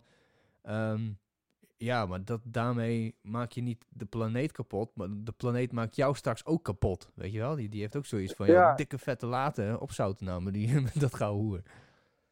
Nou ja, en, en wat, je, wat je met corona misschien in een sneltreinvaart ziet, zie je misschien met het klimaat in wat langzamer gebeuren. Kijk, al die landen, Nederland ook, eh, die, die lopen in het begin een beetje achter de feiten aan, omdat iedereen het onderschat. Want het, je je neemt het pas serieus als het echt in je gezicht ontploft. Dan denk ik ook van, joh, fuck, er is echt wat aan de hand. En dat is misschien met het klimaat natuurlijk wel hetzelfde. Dat wordt ook pas serieus genomen op het moment dat het in ons gezicht ontploft. Dus misschien is het ook wel een week op pol daarvoor van, ja, we moeten toch misschien wat eerder gaan ingrijpen en, en tot bezinning komen dan, dan het zo ver laten komen. Ja, ja, ja, ja, absoluut. Want bijvoorbeeld, eh, ik, eh, wat er nu gebeurt is, eh, die poolkappen die, die smelten natuurlijk. Nou, daar zitten ook Ja. gewoon bacteria en, eh, en, en Ja, virussen en shit van miljarden of miljoenen jaren in ieder geval. Ja, ja. Die toedera's gaan ook gaan allemaal vrijkomen, alles wat daaronder onder, eh, zit aan gassen. dus is het echt, eh, dat zijn gewoon fucking aliens die dan, die dan binnenkomen. Nou ja, ja er, er komen wel stoffen vrij die we hier nog niet kennen op aarde in ieder geval. maar ik vond, Ja, ik, dat is best wel beangstigend. Want ik, ik, ik vond het wel in- in- interessant om te, om, te, om te kijken zoals tegenlicht aflevering. En dan niet die ene die jij mij stuurde, IDA, maar eh, een, een andere. Over, eh, er werden twee virologen eh, geïnterviewd. En ehm, eentje die zei van, ja, weet je, dit, dit, we hebben dit natuurlijk allemaal al voorspeld. Dit, dit zat heel dik aan te komen. Nou ja, ben je er niet klaar voor? En toen vroegen ze hem van, maar denkt u, maar denkt u dat, eh, dat, het na, na, dat we er de volgende keer wel klaar voor zijn? En hij zei van, nou, dat denk ik niet. Ik denk dat dit als, als dit afgelopen is, dan vergeten we het weer. En dan, eh, Ja. dan gaat al, dan- in het begin, dan wordt er zo gedaan van, nou, een beetje meer geld daarin. En dan vervolgens, eh, dan doet het dood van, ja, wanneer gaat dat nou weer gebeuren? En als het weer gebeurt, ja, dan zijn Ja, we weer allemaal de sjaak. Ja, misschien hangt, ik, denk, ik, denk dat ik het mee eens ben. Ik, ik heb er ook niet zo heel veel verstand van, dus wie ben ik ook om het te gaan tegenspreken. Maar eh, je ziet bijvoorbeeld wel in Taiwan en Zuid-Korea zo, dat ze eerder serieus op eh, co- corona in, op insprongen, omdat ze ervaring hebben met SARS en MERS en dergelijke. Dat zit er dan nog wat, toch wat verser in het geheugen, waardoor ze het wat sneller serieus namen. Ja, ja, precies. Ja, ja ik, ik hoop het. En, en die andere viroloog, zo'n vrouw, die zei van... Nou ja, waarschijnlijk gaat het, gaat het er nu een beetje die kant op... dat het één keer in de zoveel jaar waarschijnlijk deze, deze manier eh, dingen stil worden gelegd. Omdat het... eh, komen steeds weer nieuwe virussen die morfen en die ontstaan. En dit is, niet, dit, is mis- dit is misschien niet eens... eh, dit is misschien wel een nieuw, nieuwe soort manier van leven gaat dit worden. Ja, en, en we hadden het net even over media. En dit soort, dit soort dingen in de media zijn echt heel goed, hè, zoals tegenlicht. En je hebt ook vet veel goede podcasts hierover van de, de correspondent of NRC of nou, noem het maar op. Maar er zijn ook wel, dan wil ik nog graag even zeggen, ook wel kwalijke dingen in de media natuurlijk. Je ziet ook heel veel van die complotsites en Jensen en dergelijke. En Ik vind dat normaal al vrij ergelijk, maar in deze periode ondermijnt zulke berichtgeving, wat vaak wel complete bullshit is, toch ook wel een beetje de collectieve verantwoordelijkheid. Dus dat, dat is ook wel weer een rol van de media. Ja, want, want ik, ik, ik, er was laatst iets van over Trump. En omdat eh, de media in Amerika best wel, best wel eh, klaar is met Trump, zeg maar. En toen, eh, hij had iets gezegd over een bepaald middel of zo. Maar dat hadden meerdere artsen genoemd van, nou, daar zijn we mee bezig. Een soort van fluoride of zo. Ja. En, eh, ja, klopt. In combinatie met nog wat anders. ja, precies. En toen had hij dat gewoon, gewoon eigenlijk best wel vo- voor de verandering honest gezegd van ja, daar, daar liggen mogelijkheden. Toen had een familie die had dat besteld. En hadden ze de Ja. verkeerde vormen, die hebben ze toen opgezopen. En eh, nou, toen zijn ze Ja. dood gegaan. En toen, toen, toen heeft het in de media gebracht van zie je wel, Trump wil mensen vergiftigen. Terwijl die gast gewoon eigenlijk de collectieve mening van artsen naar voren bracht. Van jongens, we zijn daarmee bezig, weten er niks van. Nee, dat, volgens mij lag dat wel iets, iets genuanceerder. Want het zijn artsen die wilden eigenlijk dat niet zo verkondigen, omdat het allemaal nog niet zeker is. En hij, hij, hij neemt het, nam het voortouw in die persconferentie en hij flapt dat er zo uit. En eh, ik las gisteren een heel stuk op volgens mij NRC, dat hij daar ook nog steeds aan vasthoudt. Dat hij dat volop wil onderzoeken, terwijl al die artsen zeggen, ja, dan, daar moeten we een beetje van af. Maar ja, dus, dat is gewoon, eh, het is een gek. Ik las, ik las vandaag dat hij ook de, de, de bijdrage van Amerika aan de World Health Organization eh, wil stopzetten, omdat hij het er niet mee eens is. ja, het zou verbaast me ook helemaal niks wat dat betreft. Ja, ook, ook heel gek. Want de reden was eh, eh, omdat Amerika niet goed was geïnformeerd over corona en bla bla bla. Terwijl hij tot een paar weken geleden zei het is een hoax. Van de democraten. Ja, Ja, ja inderdaad. Wat een maffe. ja, dat is een gekke wereld, man. Ja, dit is een eh, Bulgaarse. eh, ja, nou ga ik, ga ik weer de, de, de, de weirdo kant op. Maar ja, je hebt, zo, je hebt eh, oma Wanga, heet ze. En die is al lang Ja. dood. En die, eh, die heeft net als Nostradamus, eh, die heeft allemaal van die voorspellingen gemaakt, zeg maar. En eh, nou, er zijn van die sites en die houden dat bij. Als je dan eh, Baba Wanga googelt, dan kom je allemaal shit tegen. Ik heb er wel eens van gehoord. Ja, ja, zij was blind. Dus ik weet niet, volgens mij jaren 50 of 60 of zo. Ze is als kind in, in een of andere zandstorm is ze blind geworden. En toen is ze in één keer de, eh, volgens eh, boeken die geschreven zijn over haar, kon ze de stem van God of van een engel horen. En daarmee kon ze, die vertelde haar wat, wat mensen die voor haar stonden, wat hun te wachten stond. Maar ze heeft dus gewoon hele persoonlijke dingen eh, aan mensen verteld. Maar ook, ook gewoon gezegd van eh, de laatste president van, eh, van Amerika is een zwarte man. De laatste echte president. Ja, Nou, daar begint het nu wel een beetje op te lijken, zeg maar. Ja, ja. Hij ja. is wel echt, maar wat wat, op- wat is hij nou? Wat doet hij nou? Weet je, het is gewoon een dikke mafketel. Die, doet, die, zit, die, zit, daar, die zit daar echt eh, hele rare Ja, maar toch zit hij er ook nog. Toch zit hij er ook nog steeds met het mandaat van het volk. En zijn er heel veel Amerikanen nog steeds overtuigd van hem. En ik moet het nog zien, eh, Theo. Ik denk ook dat hij struikelt over corona. Maar voor hetzelfde geld wordt hij gewoon weer herkozen. Hoor, met, die, met dat rare kiesmannen, eh, die rare kies, kiesmannenconstructie. Ja, maar als je in, in acht houdt dat eh, ehm, 340 miljoen geregistreerde wapens zijn in Amerika. en er zijn maar 300 miljoen mensen. En eh, terwijl, terwijl Italië pasta aan het hoorden is en Nederland wc-papier waren die Amerikanen gewoon kogels aan het hoorden. Dus ik denk, Ja, ik, de- ik ja. denk dat een burgeroorlogje ook zo best wel zou kunnen ontstaan. Nou, gewoon, ik heb geen idee, ik ben geen politoloog, maar het gewoon puur alleen op basis daarvan. Ik denk van die lui zijn knettergek, weet je. Ja, ja, als daar de, de, de poep echt naar de ventilator gaat, dan wil ik het wel zien. Maar ja, wat, wat, wat je nu in ieder geval wel ziet, is dat, dat je ziet nu ook volgens mij een veldrijvaart door corona de, de veranderende wereldmacht eh, verschuiven. China is natuurlijk al heel lang in opkomst, maar Amerika laat het nu echt in deze crisis als wereldmacht ook echt afweten. China steekt ook wel zijn hand uit om Italië te helpen, om, mondkapjes aan Nederland te sturen. Dat is natuurlijk ook allemaal deels propaganda. Maar Amerika doet dat niet. Nee, nee. Nee. Nee. alleen maar naar zichzelf verkeerd. Ja, maar dat is, dat is toch helemaal in de lijn van wat die vent doet, zeg maar. Gewoon eigen, eigen ja, land eerst, eigen economie eerst. En dan denk je van ja, maar samenwerken, daar kom je verder mee, zeg maar. Ja, Ik- en er schijnen ook echt bizarre praktijken nu gaande te zijn op vliegvelden. Zo. Dat is natuurlijk nu een jacht op mondkapjes, op desinfecterende middelen, op allemaal van die geneesmiddelen eh, over de hele wereld. Want elk land moet dat nu massaal inkopen. En ik, ik hoorde gisteren nog een podcastje op de correspondent met met de inkoper van Nederland. En die, die zei ook van eh, Amerika, dan, dan is er een, een lading onderweg naar Canada. En dat wordt gewoon gekaapt door Amerika. Ah. Die zijn gewoon bezig met een soort piraterij eh, op dat gebied. Die, die zijn gewoon vliegvelden aan het afstruinen om die shit in de, van andere landen af te pakken en, en te claimen. Wat een eikels. Wat een fucking eikels. Ja. Dat kan toch niet? Ja. Dat kun je toch niet, dat kun je toch niet goed praten op dit moment, zeg maar. Nou ja. Dat is ook, eh, de, de, de, de, de- die Independent had vandaag ook een heel groot artikel over, of gisteren. Eh, what America has become. A pirate state. Fucking monster. Monster gedrocht. En dan jammer genoeg, Ja. jammer genoeg in politiek, of niet jammer genoeg, het is, het is jammer dat het de- door de politiek komt. Want de mensen zelf zijn gewoon, gewoon hele, ja, het zijn gewoon mensen als overal op de wereld, weet je. Gewoon hele fijne lui kunnen dat zijn. Ja, ja, zeker. Ja, en, maar er komen wel weer verkiezingen aan in Amerika ook. Dus dat gaat, daar, eh, dat gaat wel door. Er is volgens mij qua content geen mogelijkheid om er onderuit te komen qua data, om, om het te verschuiven. Nou, misschien eh, als hij er ook zo'n toestand uit, of dat hij het dan kan gaan verschuiven. Maar ik ben benieuwd wat er gaat gebeuren. Ik ook, ik ook. En, eh, en eh, nou, ietsje dichter bij huis, Boris Johnson. Ja, ik hoop dat hij het overleeft. Ja. Dat, is wel, dat, dat, dat, dat schrok ik echt wel op een hele rare manier van. Ik dacht van, heck, fuck.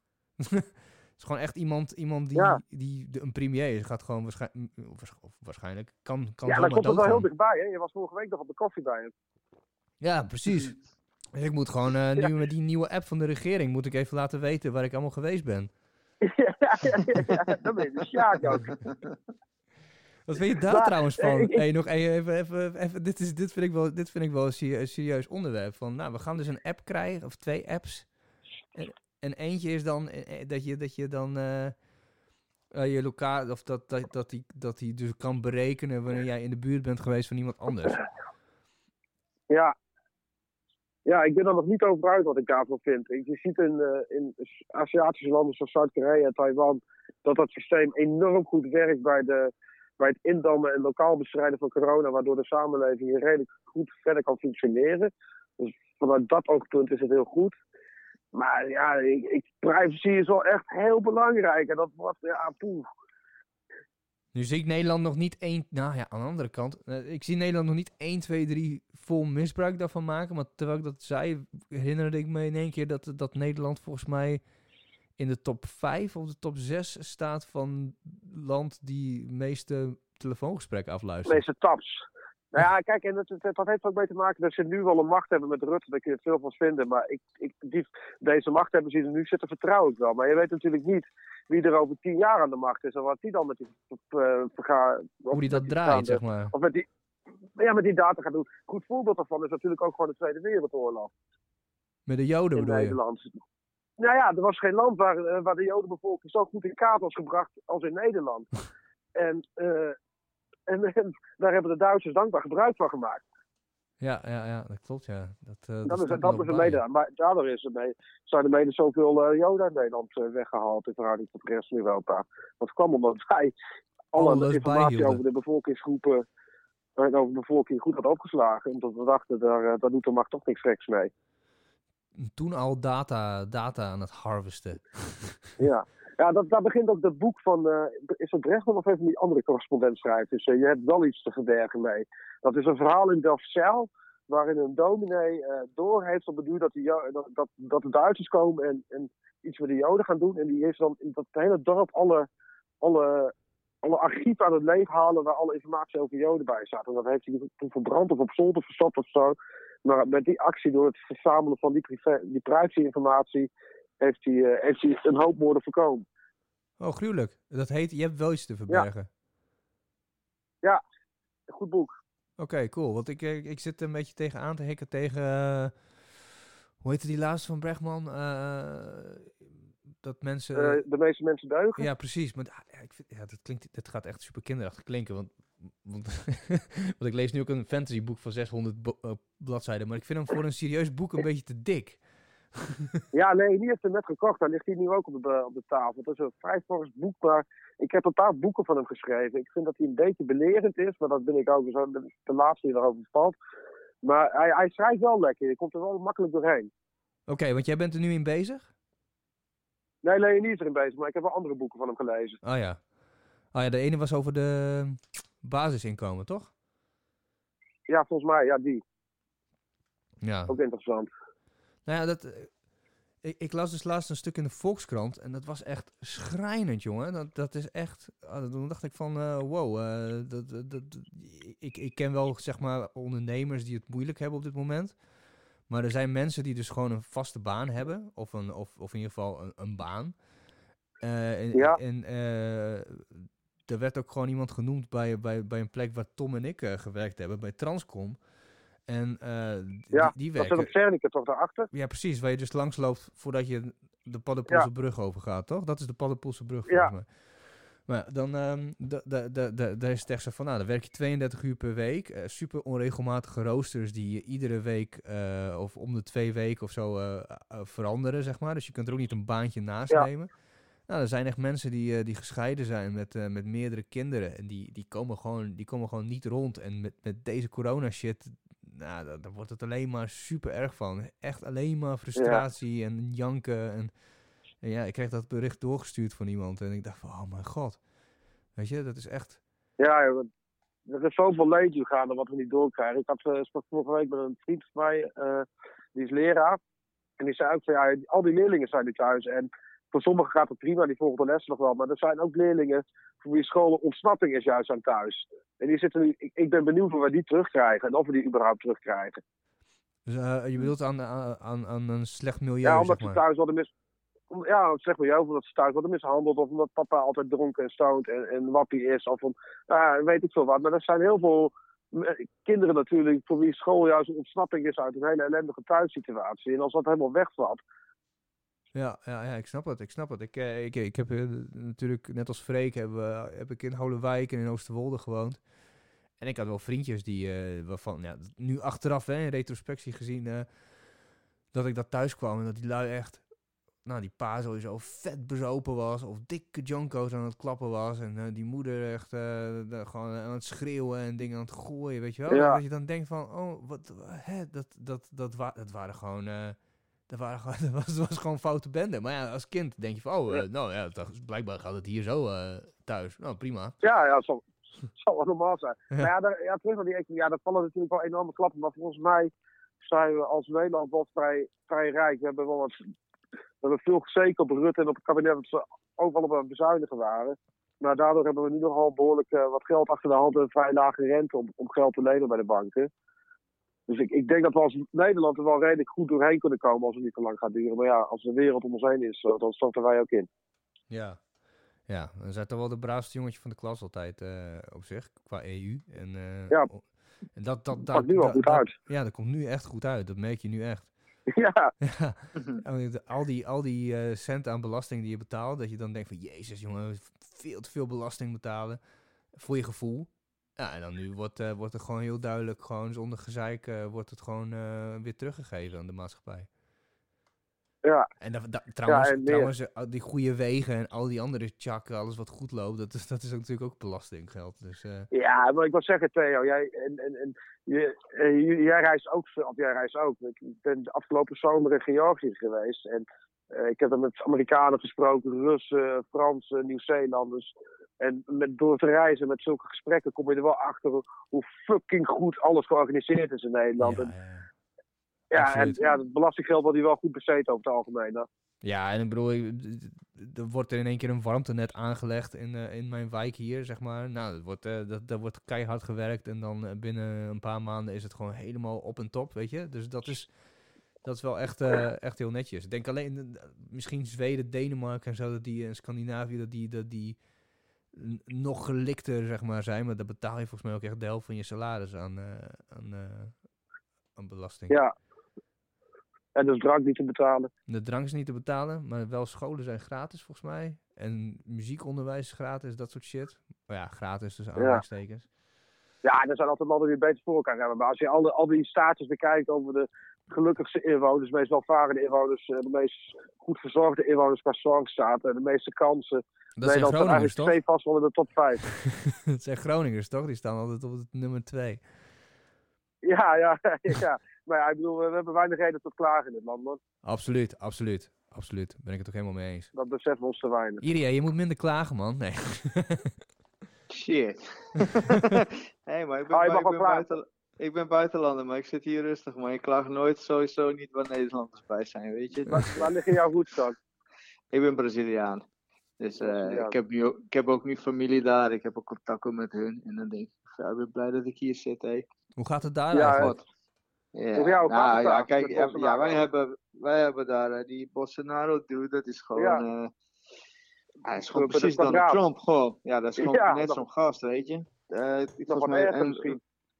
Ja, één of twee weken geleden nog had hij het nog over. Ja, nou, het is gewoon een griepje, maak je niet zo druk. En eh, nou, het hele land moet maar weer open en iedereen moet maar zo snel mogelijk aan het werk, weet je wel. En eh, ja, je hoeft er niet op te rekenen dat ook maar iemand een cent krijgt van wat dan ook, zeg maar. Dus eh, ja, mensen zijn, als je geen geld verdient, ben je gewoon echt een sjaak. Ik volg nu Ja. veel meer Brazilianen dan eerder. Ja, ik hoop gewoon dat het goed met ze gaat. Ik ben gewoon, ja, gewoon, weet je wel, nieuwsgierig. Kijken of het al een beetje tuurlijk. loopt. Maar, maar mensen hebben ook eh, van, ja, ik kan deze maand kan ik de huur betalen. Volgende maand weet ik het niet, weet je wel. Maar eh, ja, we gaan niet naar die president luisteren. We blijven toch gewoon binnen en we zien wel waar de schip strandt, zeg maar.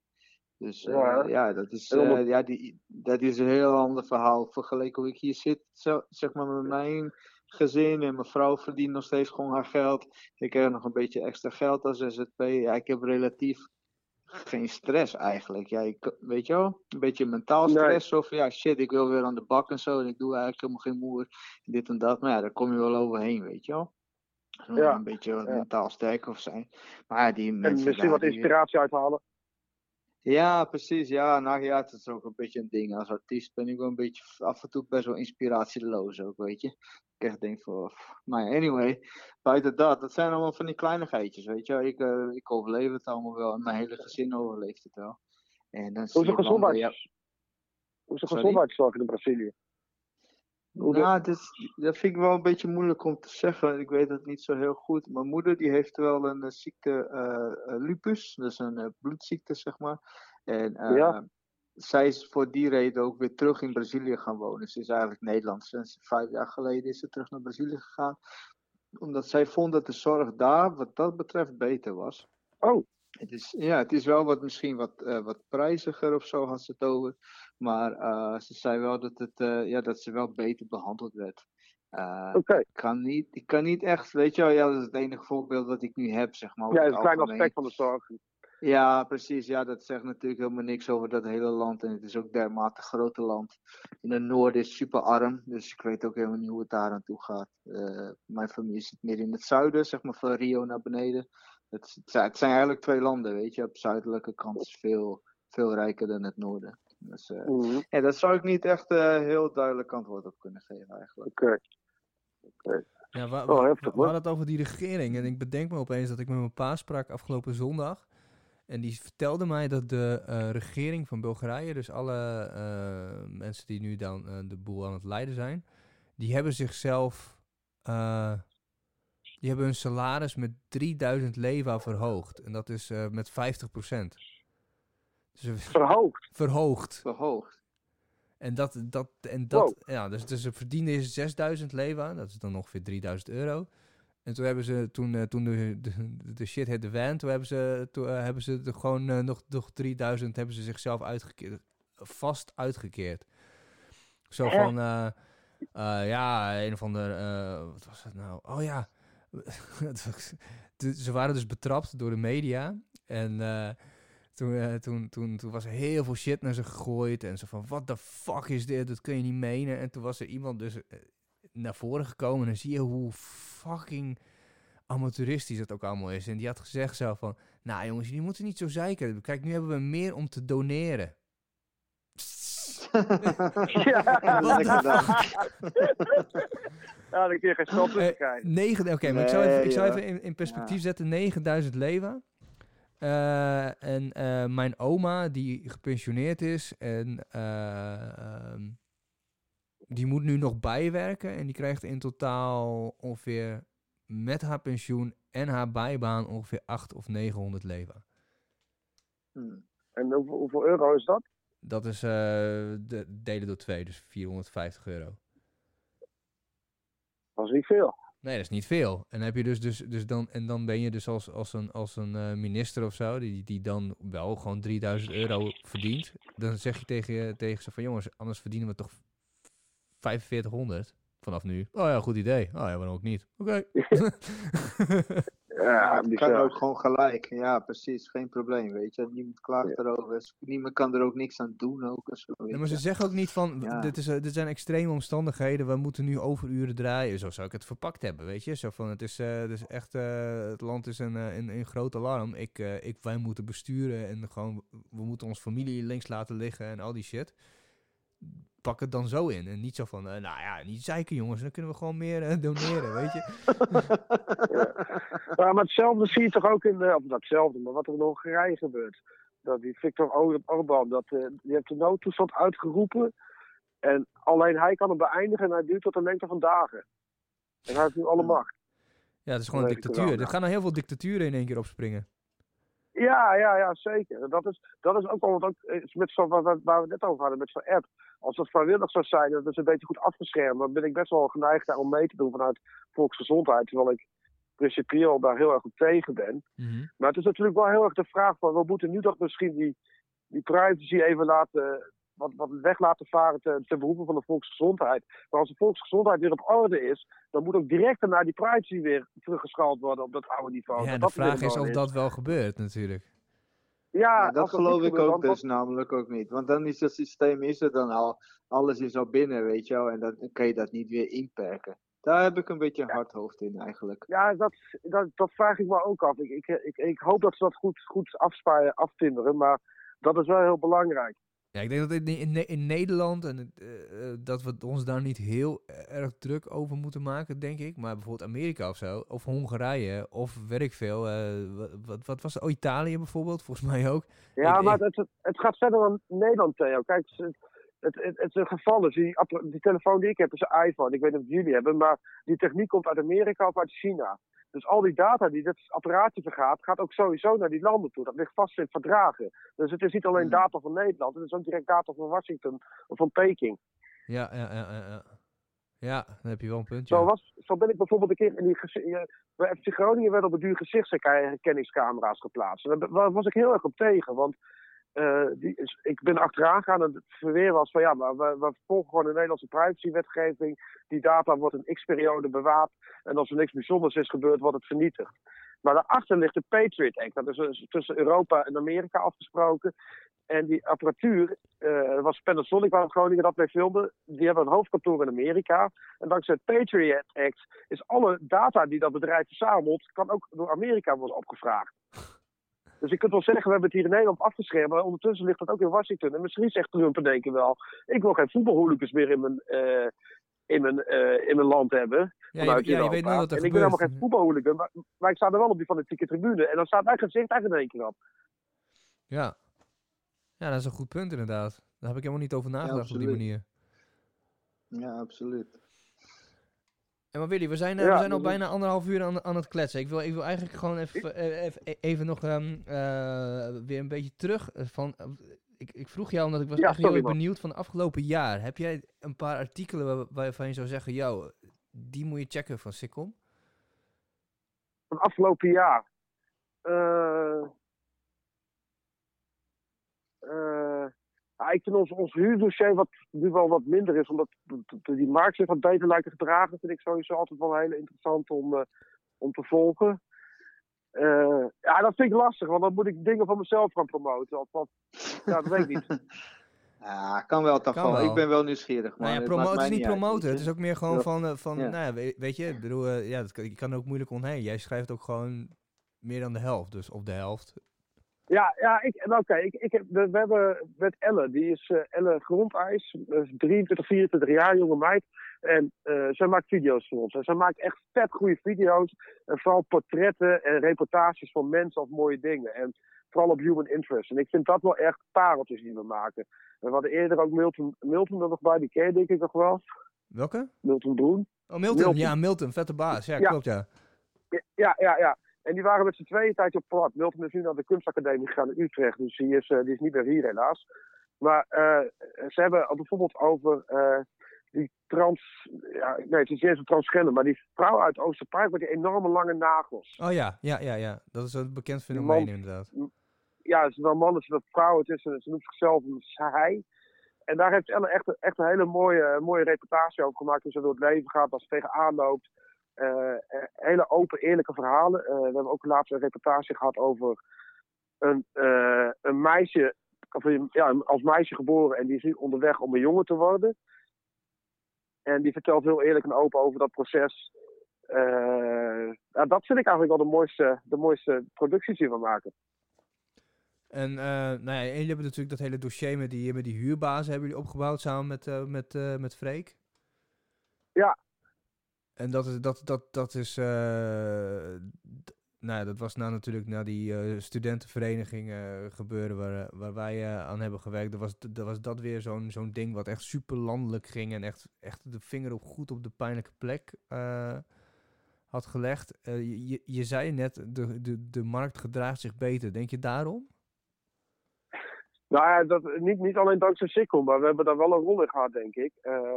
Dankzij, de burgemeester heeft het zelf ook al gezegd, de oudste en ook de wethouder, dat dankzij onze continue berichtgeving erover, dat de ogen wel zijn geopend op het, eh, op het stadhuis. En zij hebben eh, uiteindelijk na, na 200, 300 artikelen en ook andere media pikten dat op, hebben ze een lokale, eh, lokaal vergunningsstelsel in het leven geroepen. En dat is vrij streng. Ik weet niet precies hoe dat nu in praktijk uitpakt. Daar ben ik wel mee bezig. Maar, maar daardoor lijkt het wel alsof de, veel verhuurders en makelaars zich wat netter zijn gaan gedragen. Hoewel er nog steeds best wel gure dingen gebeuren. We zijn nu ook met een vrij groot verhaal nog bezig. En dat is, wel, dat is best wel weer ziek gewoon. Tipje van de sluier? Nou ja, het gaat over een van de grootste verhuurders in Groningen, Groningen vastgoed. En eh, eh, het gaat over het, eh, over het pand van, bij het Oosterpoort, waar de ANWB vroeger in zat, of er nog steeds in zit. Maar daar zitten iets van, ik weet niet eens precies hoeveel, maar iets van 50 studio's in. En daar wordt onder verbouwd en er wordt totaal geen rekening gehouden met die bewoners. Die krijgen niks, geen compensatie. En het is echt een teringbende daar en er zijn nog veel meer klachten. En we hebben natuurlijk, en dat vond ik wel een heel interessant verhaal, eh, maar dat is iets ouder. We hebben eh, een behoorlijke fraude met eh energieindexen ontdekt. Oh ja? En ik, ja, en ik denk dat dat landelijk gezien echt een miljoenen, misschien wel een miljardenfraude is. En daar die, heb ik niet meegekregen. mee. Die, die heb ik niet meegekregen. Wat, wat, wat was het dan? Nou, dat, eh, el- elk, elk huurhuis eh, krijgt een energieindex. En hoe zuiniger het huis is, hoe lager die index is. En eh, hoe lager de index is, hoe meer huur een verhuurder wettelijk mag vragen ervoor. Dus een verhuurder heeft er alle baat bij dat een huis zogenaamd heel zuinig is, want dan mag je er meer huur voor vragen. Maar we zijn erachter gekomen dat eh, in Groningen op vrij grote schaal die labels, dat daarmee gefukt is. Dus dan wordt er gezegd dat het huis is zwaar energiezuinig, dat het op papier een, een warmtepompnet moet hebben, zonneboilers, eh, weet ik veel, zonnepanelen, driedubbele beglazing. En in praktijk is het gewoon een tochtgat. En, en hoe kan dat? En dat blijkt, denken wij, eh, dat hebben we ook wel aangetoond, omdat ermee gesjoemeld wordt. En normaal gesproken moet dat geïnspecteerd worden. Er zijn een aantal aangewezen bedrijven in Nederland, een paar duizend, die dat mogen doen. En die komen dan een inspectie doen en die, die gaan je muur opmeten, je dakpannen, alles. Je moet er 60, 70, 80 punten bij langs. En daar rolt dan een cijfer uit. En dat wordt dan afgetekend in een online register. En daar, daar staat iedereen blind op. De rechter, de huurcommissie. Iedereen gaat ervan uit dat dat een waterdicht systeem is. Maar ja, we hebben in Groningen tientallen eh, huizen onder de loep genomen. Die een enorm lage index hadden. Maar wat, ja, dat, dat klopte gewoon niet. Die, en dat scheelt soms wel per huur. Eh, of aan huur ongeveer 100 tot 200 euro per maand. Jezus. We hebben Jezus. complexen onder de loep gehad waar, waar 100, meer dan 100 woningen in zaten. En al die 100 woningen betaalden ongeveer 130 euro huur per, per maand te veel. Dat is echt sick, want ik ben nu bijvoorbeeld nu, eh, nu eh, op, op huizenjacht. En dan zie je inderdaad gewoon dat je dan bepaalde labels hebt. D-label, weet ik veel. Hè. En als je dan, eh, Ja, ga, heb, je- heb, je- heb je een koophuis, koophuis of een eh, huur? Ik zit nu ja, huur, maar ja. dat is gewoon echt zo'n heel nieuw, eh, nieuw gebouw, zeg maar. Maar die is echt A++ Ja, of maar- zo. Ja, maar waar je op gaat jagen bedoel ik. Wat Oh, waar ik op ga jagen. Ja, nee, ja, nee nou, met, met het budget dat ik heb, kom ik niet eh, hoger dan een D, denk ik hoor. Nou, oké, want bij, bij, bij koophuis heb je dat inderdaad op A, B, C, D, E, F. En bij huurwoningen gaat het op, uh, nou, zo'n vergelijkbaar systeem, maar dan gaat het gewoon om een index. Dan gaat het gewoon om een, om een cijfer. Ah ja, precies. Precies want maar ook bij koopwoningen wordt er mee gesjoemeld, daar wordt het pas over geschreven. Ja, dat zou wel. Dat moet, dat moet ook wel. Als het bij de ene gebeurt, dan doen ze het ook wel bij de andere, weet je. Ik bedoel, uh, ja. lijkt mij. Ja, dat was echt schrikbarend. We hadden echt, we hadden, we vielen bijna van onze stoelen. Op zoveel panden gebeurde gewoon. En we hebben daar toen twee publicaties over gemaakt. Die zijn ook landelijk opgepikt. En uh, ja, dat was ook heel gek. Ik had, dus, je hebt de, de, de overheid en, dat, en, en daaronder heb je die controleur zitten. En er zit een bedrijf tussen, een stichting. Uh, en, en ik had de hele tijd in aanloop naar de publicaties contact met die directeur. En die wilde helemaal niet meewerken. Die wilde boten af. Komt zijn afspraken niet naar. Was, uh, was of terug aan de telefoon. En, uh, maar ja we, hadden, ja, we hadden gewoon een verhaal. Dus we hebben het gepubliceerd. En hij kreeg op het duur vanuit het ministerie op zijn dak dat hij dat moest gaan onderzoeken. en toen kwam hij weer bij mij terug. En toen zei hij, ik wil binnen een week alles wat jij hebt, wil ik, wil ik binnen een week van je hebben. Dus toen belde ik me op. Ik zei, ik, ik, ga je dat helemaal niet zomaar geven. Je moet je eigen onderzoek gaan doen. Ja, nee, je moet het wel geven. En ik heb ook altijd meegewerkt. En anders uh, geef ik het terug aan het ministerie. En dan is het jullie schuld. En dan wordt alles op jullie verhaald. Bla, bla, bla, bla. Dat is een kinderachtig. Ik nog... Ja, contact gaan met onze bedrijfsjurist. Die zei, ja, dat, uh, je moet helemaal niks geven. Uh, dat zijn je bronnen. Uh, die gaat het normaal doen. En toen heb ik de woordvoerder van, de, van het ministerie gebeld. Zei, joh, die directeur van het, van het bedrijf wat ertussen zit. Moet je eens kijken wat hij mij mailt. En toen een paar uur later kreeg ik een telefoontje van die gast. Uh, ja, sorry, uh, je had gelijk. Uh, ik moet inderdaad mijn eigen onderzoek doen. Sorry dat ik me zo gedragen heb. En je hoort dat van ons. Ah, dan, dan, schiet iemand zo in paniek of zo. En dan, dan flipt hij hem gewoon de pan uit, zeg maar. Dat is gewoon niet gewend of zo. Ja, weet niet. Ja, of hij denkt van ja, kut, er gaan nu dingen ontdekt worden. Of ja, ik weet niet wat het is. Ja, want ik vraag me af hoe dit gaat. Hè? Ik denk, ik denk dat, dat het in het begin zo, zoiets is van het gebeurt per ongeluk of zo. Weet je wel? Zo van, hé, hey, uh, ja. oeps, nou, we hebben dit toch niet helemaal goed gedaan, maar nou, er is toch wel dat, dat gedaan. Maar hé, hey, dat valt helemaal niet op. Hmm. komt erachter. Nee, en dat levert vet veel geld op. Fucking veel geld op. Echt 150 euro? Dat is, dat is, dat ja, is... Dat, dat, het was ook heel gek. We hadden het eerste, waar we, het geval wat we hadden, het ging over een huis met of een pand met 15 woningen. En dat werd gecontroleerd door EPA-keuringen uit Utrecht. En uh, dat was van een gast van de. Ja, die, die, woonde in Utrecht. Die had een bedrijf twee jaar op zijn naam of zo. En we zijn er toen ingedoken. Het was een heel vaag bedrijf. En de rest, maar dat was er helemaal niet. Uh, en wij hebben dan een dag voor zijn deur gepost, Freek en ik. Er kwam niemand thuis. Uh, maar dat bedrijf had, uh, kijken, 3000 aanmeldingen gedaan, of 300 aanmeldingen gedaan in Groningen. En er zit een controlesysteem op. Dus bij een steekproef was gedeken dat, dat er dingen niet klopten. En hij kon niet uitleggen waarom het niet klopte. Dus zijn al die 300 meldingen uit het systeem gehaald. Wat? Als fraude. Oh zo, en, ja, ja. Uh, dus ja, maar hij heeft zich vervolgens via een andere instantie weer aangemeld. Dus hij is ook zijn licentie kwijtgeraakt. Maar hij is met hetzelfde BV'tje, heeft hij zich anders, ergens anders weer aangemeld is hij weer toegelaten tot het systeem en heeft hij die 300 meldingen weer geaccordeerd en goed gemaakt. Maar hoe, hoe, hoe, werkt het dan? Kijk, je hebt bijvoorbeeld die persoon, hè? bijvoorbeeld ik heb die BV en ik zeg tegen jou, want waarschijnlijk is er een soort van deal, lijkt mij, van jou, ik ga inspecteren, ik geef je een goed, een goed dingers, dus dan geef jij mij een, een steekpenning. Ja, ik, dat weet ik niet. Dat, daar, daar heb ik niks van gezien. Die papieren krijgen we niet te zien. Maar ja, daar, daar wordt het dus een handje geklapt, denk ik. Ja. Oh man, man, man. Ja, het, is ook, het is ook gewoon een systeem natuurlijk. Ja, waarom niet hacken dan, hè? Weet je? ja, want je, het werkt dus zo. Je bent pandeigenaar, je laat het controleren door een onafhankelijk inspecteur. Daar zijn er heel veel van in Nederland. Die hebben een licentie. Die hangt, eh, die hangt onder, daar zitten vijf toezichthouders boven. Daar, die geven die licenties uit. En boven die vijf toezichthouders zit nog weer één groot toezichtorganisatiebedrijf. En dat, dat hangt direct onder het ministerie. En ze hebben daar nog nooit fraude in ontdekt, zeggen ze. Maar we hadden in Groningen echt binnen no time, met, met, met honderden woningen, echt zo fucking veel fraude. Of, of ja, ogenschijnlijke fraude ontdekt. In ieder geval, Gewoon te obvious. zei, dit is allemaal, dit is allemaal niet energiezuinig. En dat, dat verschil 100 euro's per maand. En de officiële labels waren allemaal heel energiezuinig gewoon te obvious dat je dan denkt van ja jongens, jullie zijn echt gewoon, jullie zijn gewoon te gretig geworden. Dus gewoon net als met de Nihau, zeg maar. Ja, ja, ja, ja, ja. Ja, daar lijkt het wel een beetje op.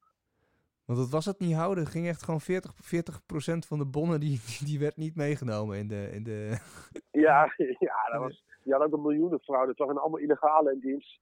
Ja, ja. God, ja, heftig ook. Heel ander verhaal ook.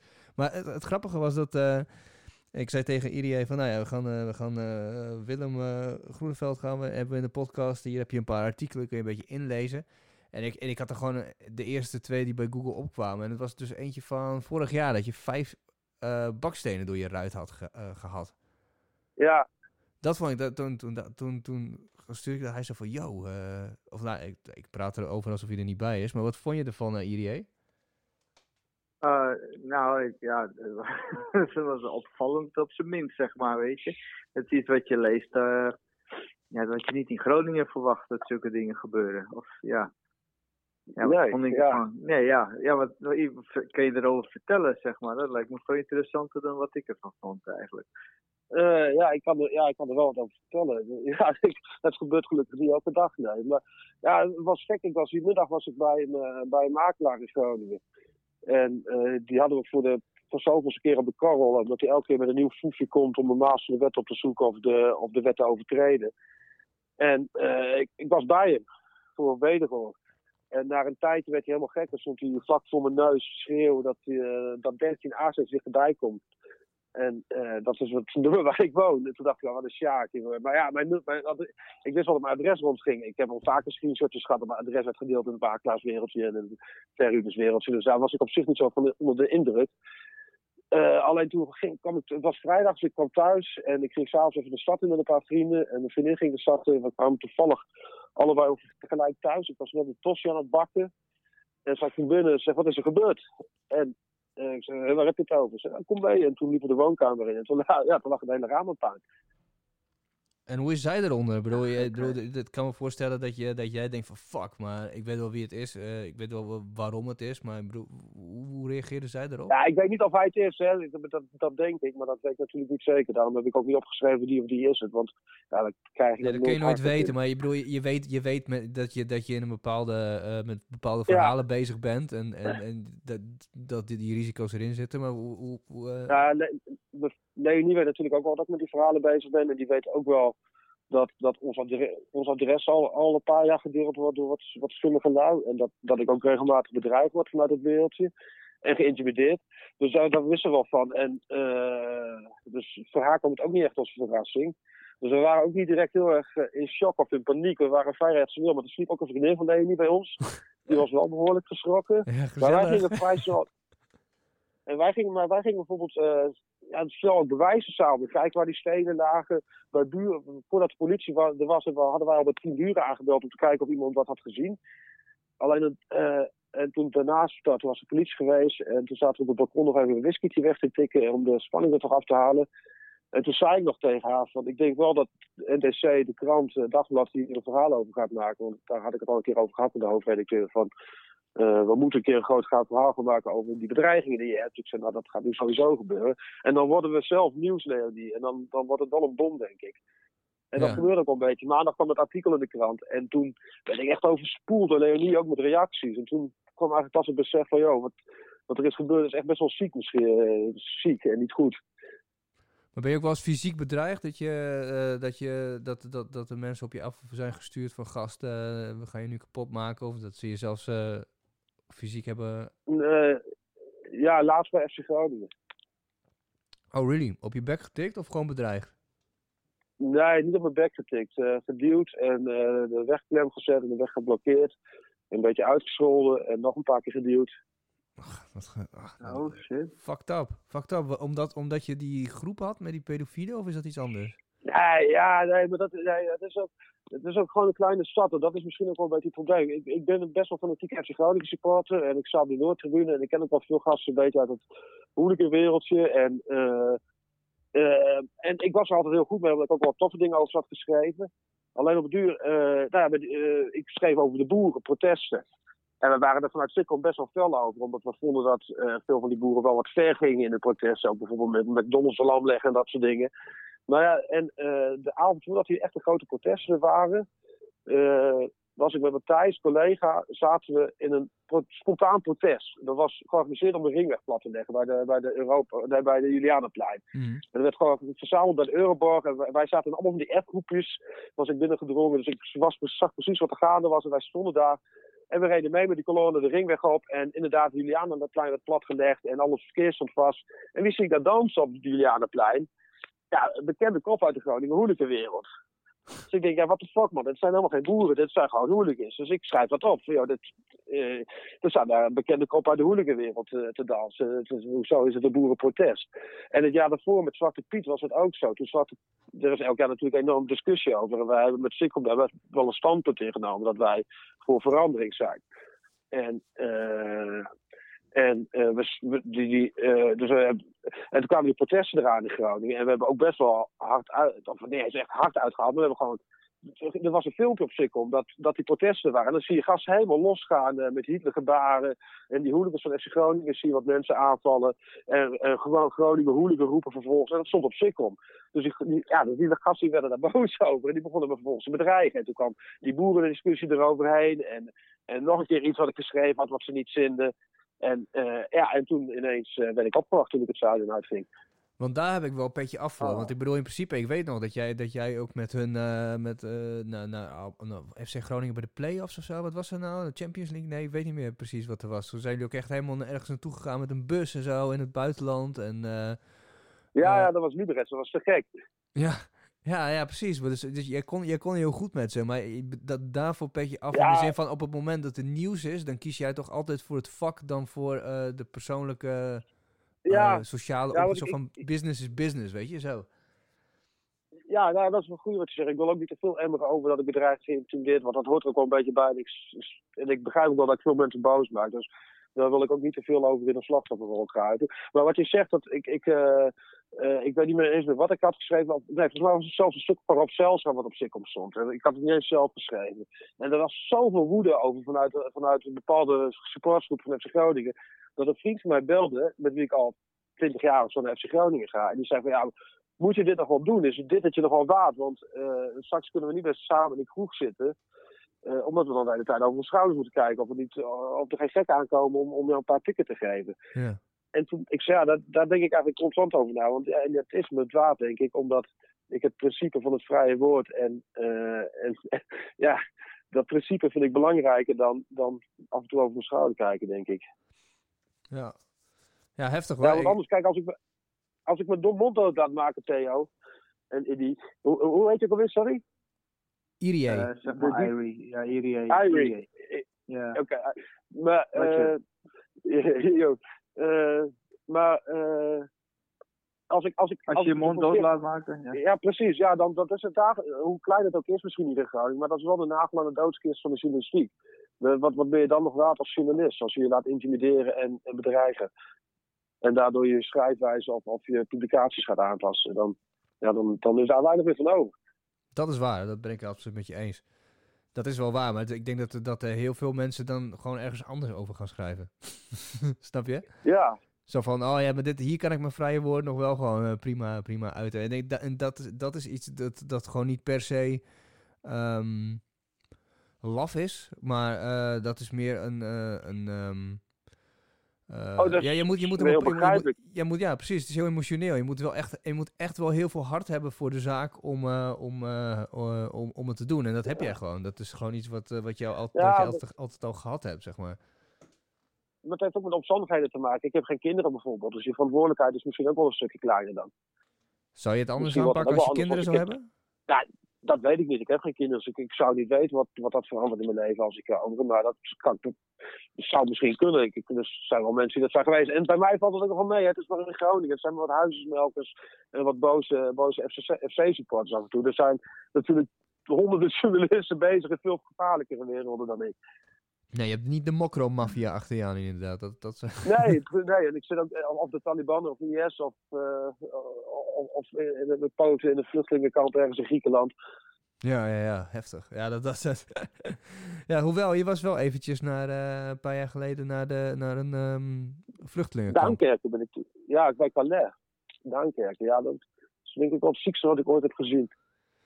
Ja, die foto's, eh, dat, dat was ook echt, dat zag er al ziek uit. Maar toen ik jou sprak daarna, toen zei ik ook van, yo, dat is echt, eh, dat kun je gewoon niet voorstellen. Ja, maar ik ben echt van slag geweest daar. Ik was, eh, dat was toen een paar jaar geleden. was ik terug vluchtelingencrisis op zijn hoogtepunt in Europa. En toen had hij in Frankrijk, ik ben even een slokje water snel. Ja, is goed.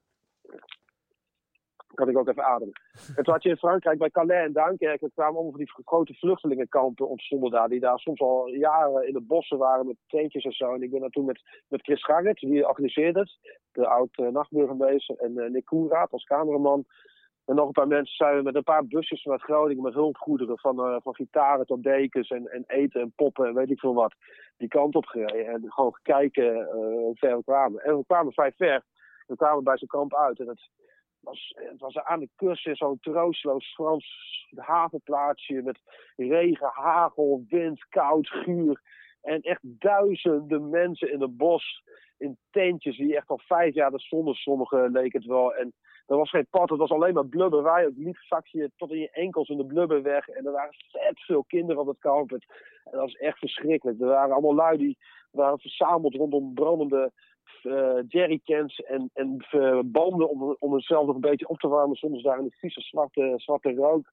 Het was echt, echt heel schrijnend. Ik, we spraken een stelletje, een Syrische jongen en een Syrische meid. Die hadden dus een jaar geleden verloofd. En toen ze elkaar verloofd hadden, zijn ze direct naar de vlucht gegaan. En die, die wilden naar Engeland. En ik weet niet waarom ze daar allemaal blijven naar Engeland gaan. Maar die, die waren daar vastgekomen. Er was één teringband om me heen. Maar een tentje van binnen was picobello enorm. Dus alsof het een soort honeymoon nog was steeds. Oh man, dan, zit je, dan loop je waarschijnlijk ook net met zo'n brok in je keel, of niet?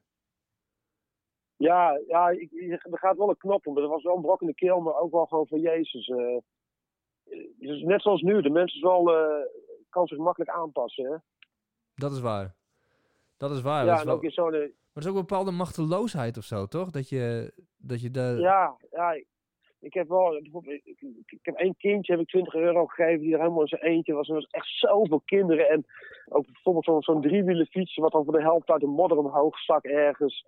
En... Uh, ja, en het was ook wel een trickje, want we waren een beetje stiekem aan het filmen. Want ik durfde daar niet helemaal voluit te gaan filmen, dus die hadden we een beetje afgeplakt onder mijn jas.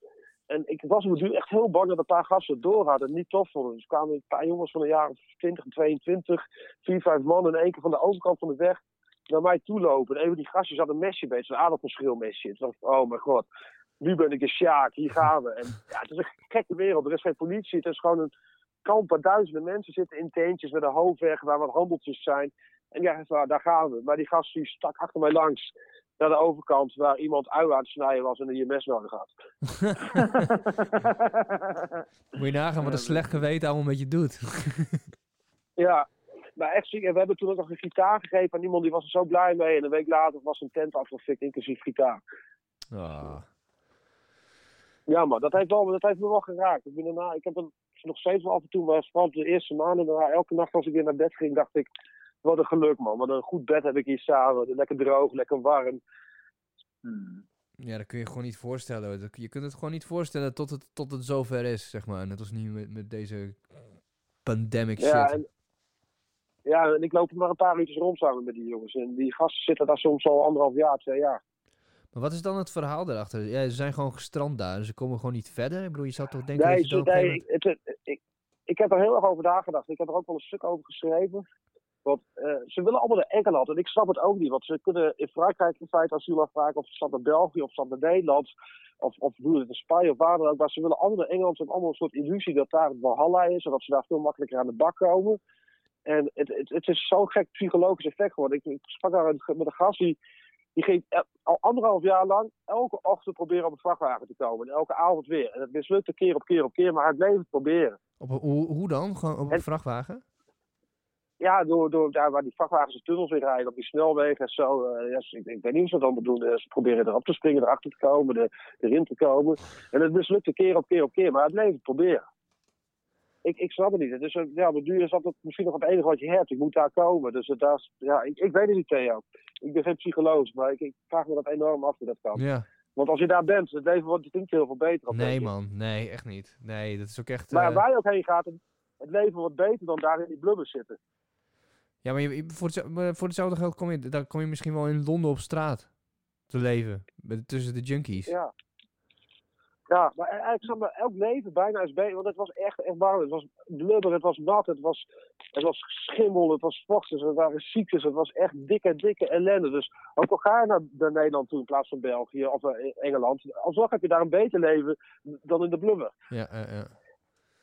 Ja, Maar waar, waar sliepen dat- jullie dat- toen dan? iedereen- Nou, wij zijn er niet geslapen. We hebben er een dag rondgelopen. We zijn s'avonds, eh nadat we echt alles wat we hadden eh. Ik heb zelfs mijn, mijn, mijn goede laarzen, die had ik van mijn pa gekregen voor die dag, eh, heb ik weggegeven aan een paar mensen. Dus ik ben op blote voeten teruggegaan. Oh, ja. Maar, maar eh, zo, ja, we zijn teruggegaan s'avonds. Ik weet ook niet of het veilig nee, het was ook niet veilig geweest s'nachts. Ja, want wat, wat we hoorden, wat er gebeurde, is dat de, de rechtsextremisten uit Frankrijk, die, die verzamelden zich rondom dat kamp. En die begonnen dan met, eh, met stenen te gooien op het kamp. En de politie verzamelde zich daar dan weer achter vaak. En die ging dan met traangas schieten om een barrière van traangas tussen het kamp en, en de, en de extreemrechtse railschoppers op te werpen. Met als gevolg dat het kamp vaak s'nachts helemaal in de traangas stond. Jezus. Jezus Christus. Jezus, dat is heftig, hé. Ja, man. Ja, nou. Ja. Ik kreeg toevallig van een paar weken geleden een herinnering van Facebook dat ik er vier jaar geleden was geweest en een filmpje had opgenomen. Toen heb je weer herpost van, oh, mooie tijden. ja, nou, toen kon ik aan het knuffelen. ja, precies. Ehm, Ja, ja, man, dus bizar. maar even op een, op een vrolijkere noot eindigen, lijkt mij. Even kijken. Ja. Eh, eh, even kijken. Heb jij nog eh, tips voor de, voor, thuis, voor de thuisblijvers? Ja, man. Podcastjes. Nou, het is een goede podcastcorrespondent, NRC, beter op papier.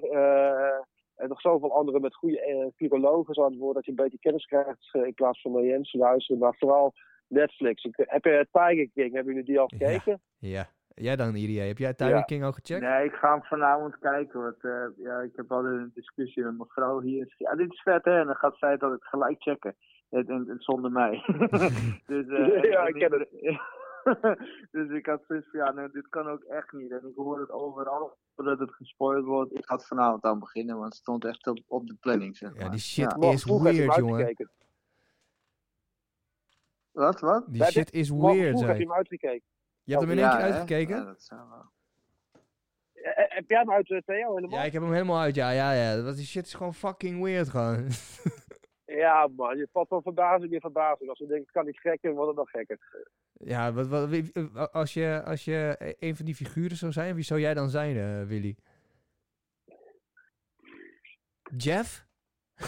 Jezus. Nee, ik denk eh, een van die, eh, een van die junks die bij, eh, bij Joey is aangespoeld en daar met vol goede intenties zit en niet doorheeft welke shit zich om zich heen ont- ontvouwt. Oh ja, precies. Hey, Tom, Tom, Tom die vond dat, eh, dat als we kantoor moesten indelen dat ik Joe Exotic moest zijn. Nou, dat was ik dus ook echt niet mee eens. Oh, Irie, ik ga hem wel even één spoilertje doen, joh. Er is één moment, zeg maar, en er wordt dan gezegd Ah, dat... shit, ik dat wil dit niet horen. Ik doe mijn telefoon even bij mijn oor vandaan. Hoor. ja? Oké, doei. Yo, maar dat ene moment dat die, dat, dat die ene gast hoort dat, er, dat, dat, er, eh, dat een van die lui eh, een informant is, dat hij dan zo, huh? is dat een informant? Dat was echt priceless, joh. Zo van, what the fuck, joh. Jij bent echt, echt zo oliedom gewoon. Dat is echt niet normaal. Ja, en toch zo ver nog geschapt relatief natuurlijk. Het is allemaal al ingestort. Maar wel, ja, gekke wereld, jongen. Echt, je hebt geen idee dat zulke, zulke parallele werelden bijna bestaan, hè? Absoluut. Volgens mij zei Irie nog toen ik vertelde voor het eerst over Tiger King, toen zei hij ook van, ja, maar Californië, dat vindt, of eh, Florida, dat vinden Amerikanen zelf ook kne- super raar. Dat is Ja. het raarste gedeelte van Amerika, zeggen ze altijd. Dat is gewoon een, la- een land apart of zo. Ja. Echt één grote freak, Je gaat er veel plezier aan beleven, Harry. Oké, te gek. Ik heb Ja. al zin in, man. En, eh, en nog meer goede podcasttipjes. eh Sunderland Till I Die, tweede seizoen. Ik ben niet echt een voetbaldier, maar mijn vriendin ook niet. Maar dat is een te gekke real-life-serie bij een club die helemaal instort. Hoe heet die? Sunderland Till I Die. Nee, Oh, niet vond hem echt te gek, want hij helemaal niks met voetbal heeft. Cool. Summerland Till I. Die. Ja. Ja, dan zie je echt de gekste van de voetbalwereld en tot welke gekke beslissingen dat leidt en hoe een club daardoor helemaal instort. Een grote club ook nog. En wat nog meer wel een goede is. Eh, ja, nieuw seizoen van Ozark ook te vet. Die is ook heel wel leuk. Ja, Ozark, de nieuwste. Ja, die is vet, joh. Die is hard. Ja. Ja, Ja. ja, ik heb hem nog niet gezien.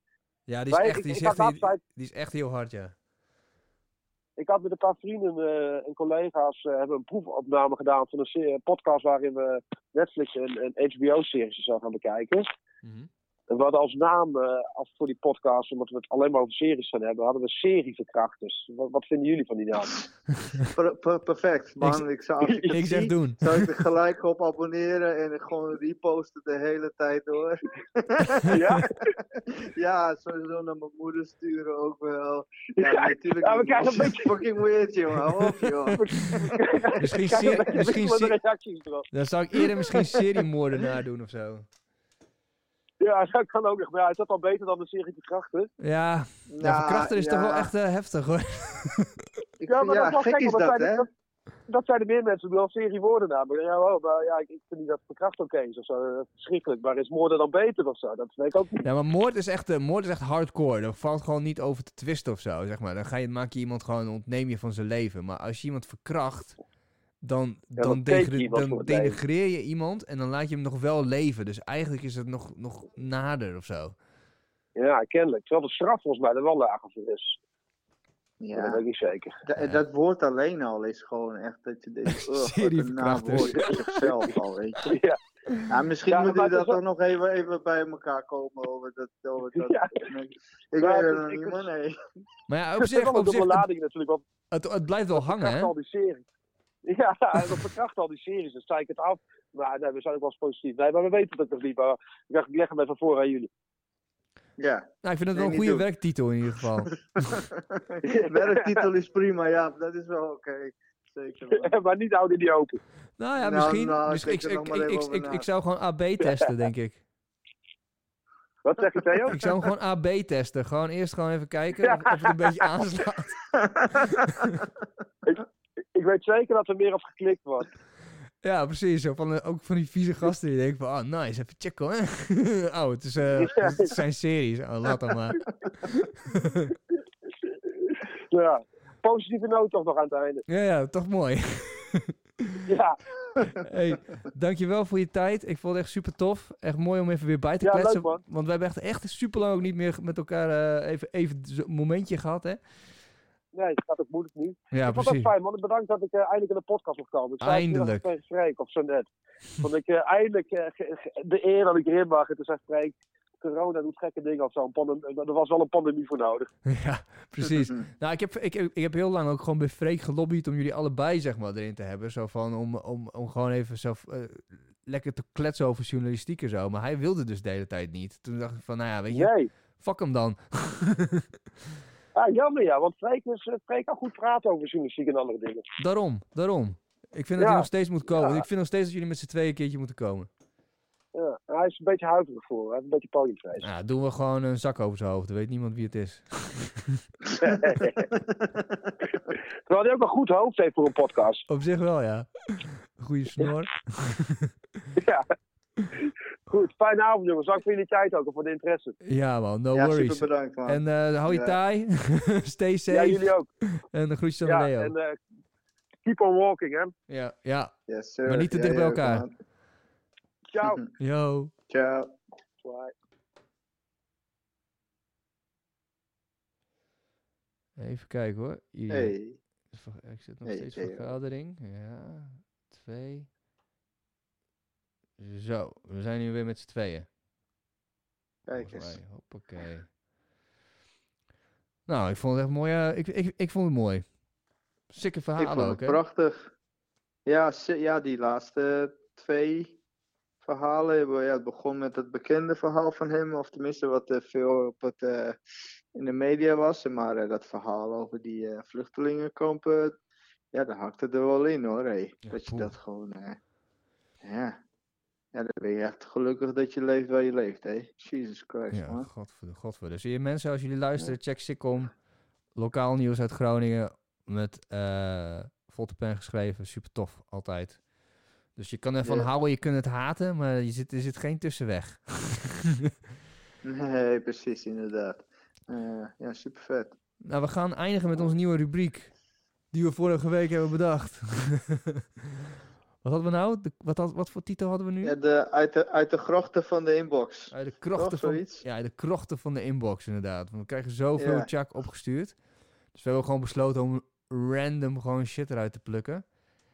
En eh, nou, ik vind het aan de ene kant wat we nu hebben uitgekozen. Want we, ik, ik, ik, ik draai hem pas op het einde, zeg maar. En, ehm, maar wat we nu hebben uitgekozen, dat is eh, een Frans, Franse act, electropop.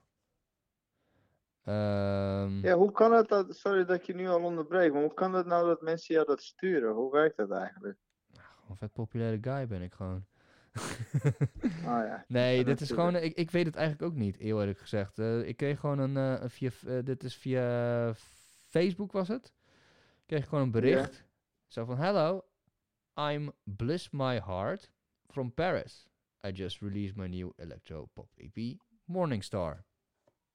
And I'm looking for media's to promote or re- review my music. Goh. Nou, oké. En ik, ik had er helemaal geen idee bij, dus ik heb het gewoon geluisterd en, eh, en op die hoop gegooid van al die shit die we binnen hebben. En op een gegeven moment kwam je er dus uit en toen dacht ik van oké, geinig. En toen had ik één nummertje, dat was die eerste, dat eerste nummertje. Ik dacht dat dat dan was, maar het is dus een EP, er zijn dus drie tracks. En toen heb ik, nog- daar heb ik nog dus gewoon uiteindelijk gewoon gekozen voor de, voor de derde track en dat is We're All The Young. En het, het is gewoon ja, wat moet- kan je daarover zeggen? Ik zou het zelf thuis nooit opzetten. Het is heel vrolijk. Heel eh, zomerachtig. Je zou misschien kunnen denken van, nou, misschien, het is redelijk cheesy, maar misschien kun je hem als, kun je hem wel verwachten als een soort van counternummertje op het einde van een set of zo, bij een, eh, een zonsopgang of zo, weet je wel? Op een festival, dat er misschien Mm. erin ge- ge- gedraaid wordt. Maar jij had er zelf ook wel op meer professioneel een eh, idee bij.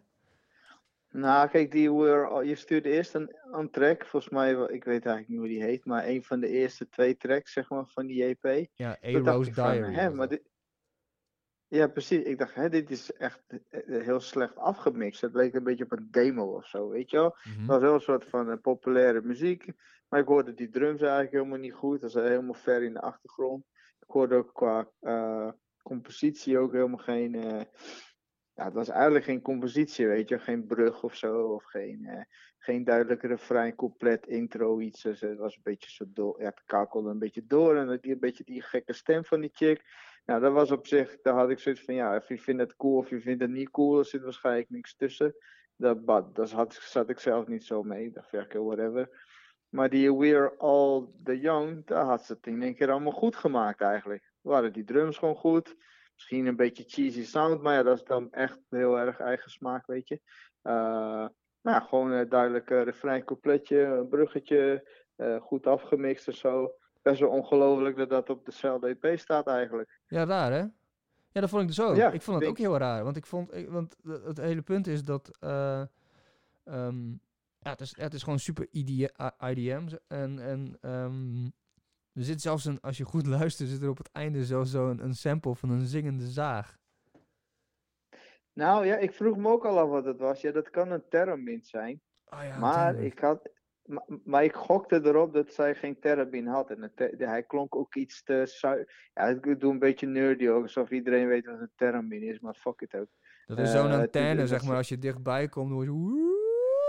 Ja, precies, inderdaad. Die werden heel veel in horrorfilms gebruikt in de jaren 50, 60. Dat was een beetje sound effect ding. Maar die zijn nooit loopzuiver. En, en eh, zelfs de beste spelers klinken nog een klein beetje off, zeg maar. En dit klonk echt te zuiver. Dus ik denk dat het gewoon een preset was op een. eh, Ja, ja, ik dacht, Ja, wel, ik dacht gewoon een preset op- van op een zingende zaag, dacht ik. Ja, precies. wel, die, die maken ook echt Ja. van die hele whale eh, sound-achtige shit. Ja, ja.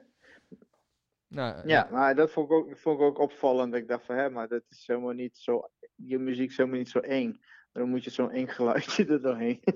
Ja. Ja. ik weet het niet hoor. Ja, er kwam ook zo voor zo'n breakdown op een gegeven moment zo en dan gaat hij dan op een gegeven moment wordt hij wordt die volgens mij de eh, gehalveerd qua tempo. En Ja. ja, het is gewoon ja, het, het- ja, je moet ervan houden. Het is het is echt super poppy. En ehm, ja, ik ben toch ik vind ik vind het ook heel heel heel tof dat dat dat dat iemand dat dat stuurt. Die heeft waarschijnlijk echt iets van toen nou honderd of duizend gewoon gegoogeld van wat zijn popmedia, eh, pop eh, magazines. En hebben ze ja, precies. ja. Maar goed. Kwam ja. ze bij ons terecht, hé, arme kind. Zielig man. Ah, ja, ik- maar het grappige is, heeft ook, je hoort ook heel duidelijk, hoor je in het, zang, in het zingen, hoor je gewoon het Franse accentje, zeg maar. Dus ik vraag me af, waarom zing je niet in het Frans? Maar ja, goed, weet je, dan, eh, waarschijnlijk is het gewoon dat je denkt van, nou, ah, dan heb ik meer bereik, begrijpen mensen wat ik zing. Ja, ze heeft internationale ambities duidelijk. Want daarom sturen ze het ook naar, je, naar ons, zeg maar. Ja, Denk ze was, dan. ja en ze was, eh, ik vond haar heel, eh, heel lief in de, in de omgang. eh, want het is, een, het is een heel teampje, hè, wie het allemaal afgemixt heeft. Ik weet het allemaal niet. Het meisje heet Jen.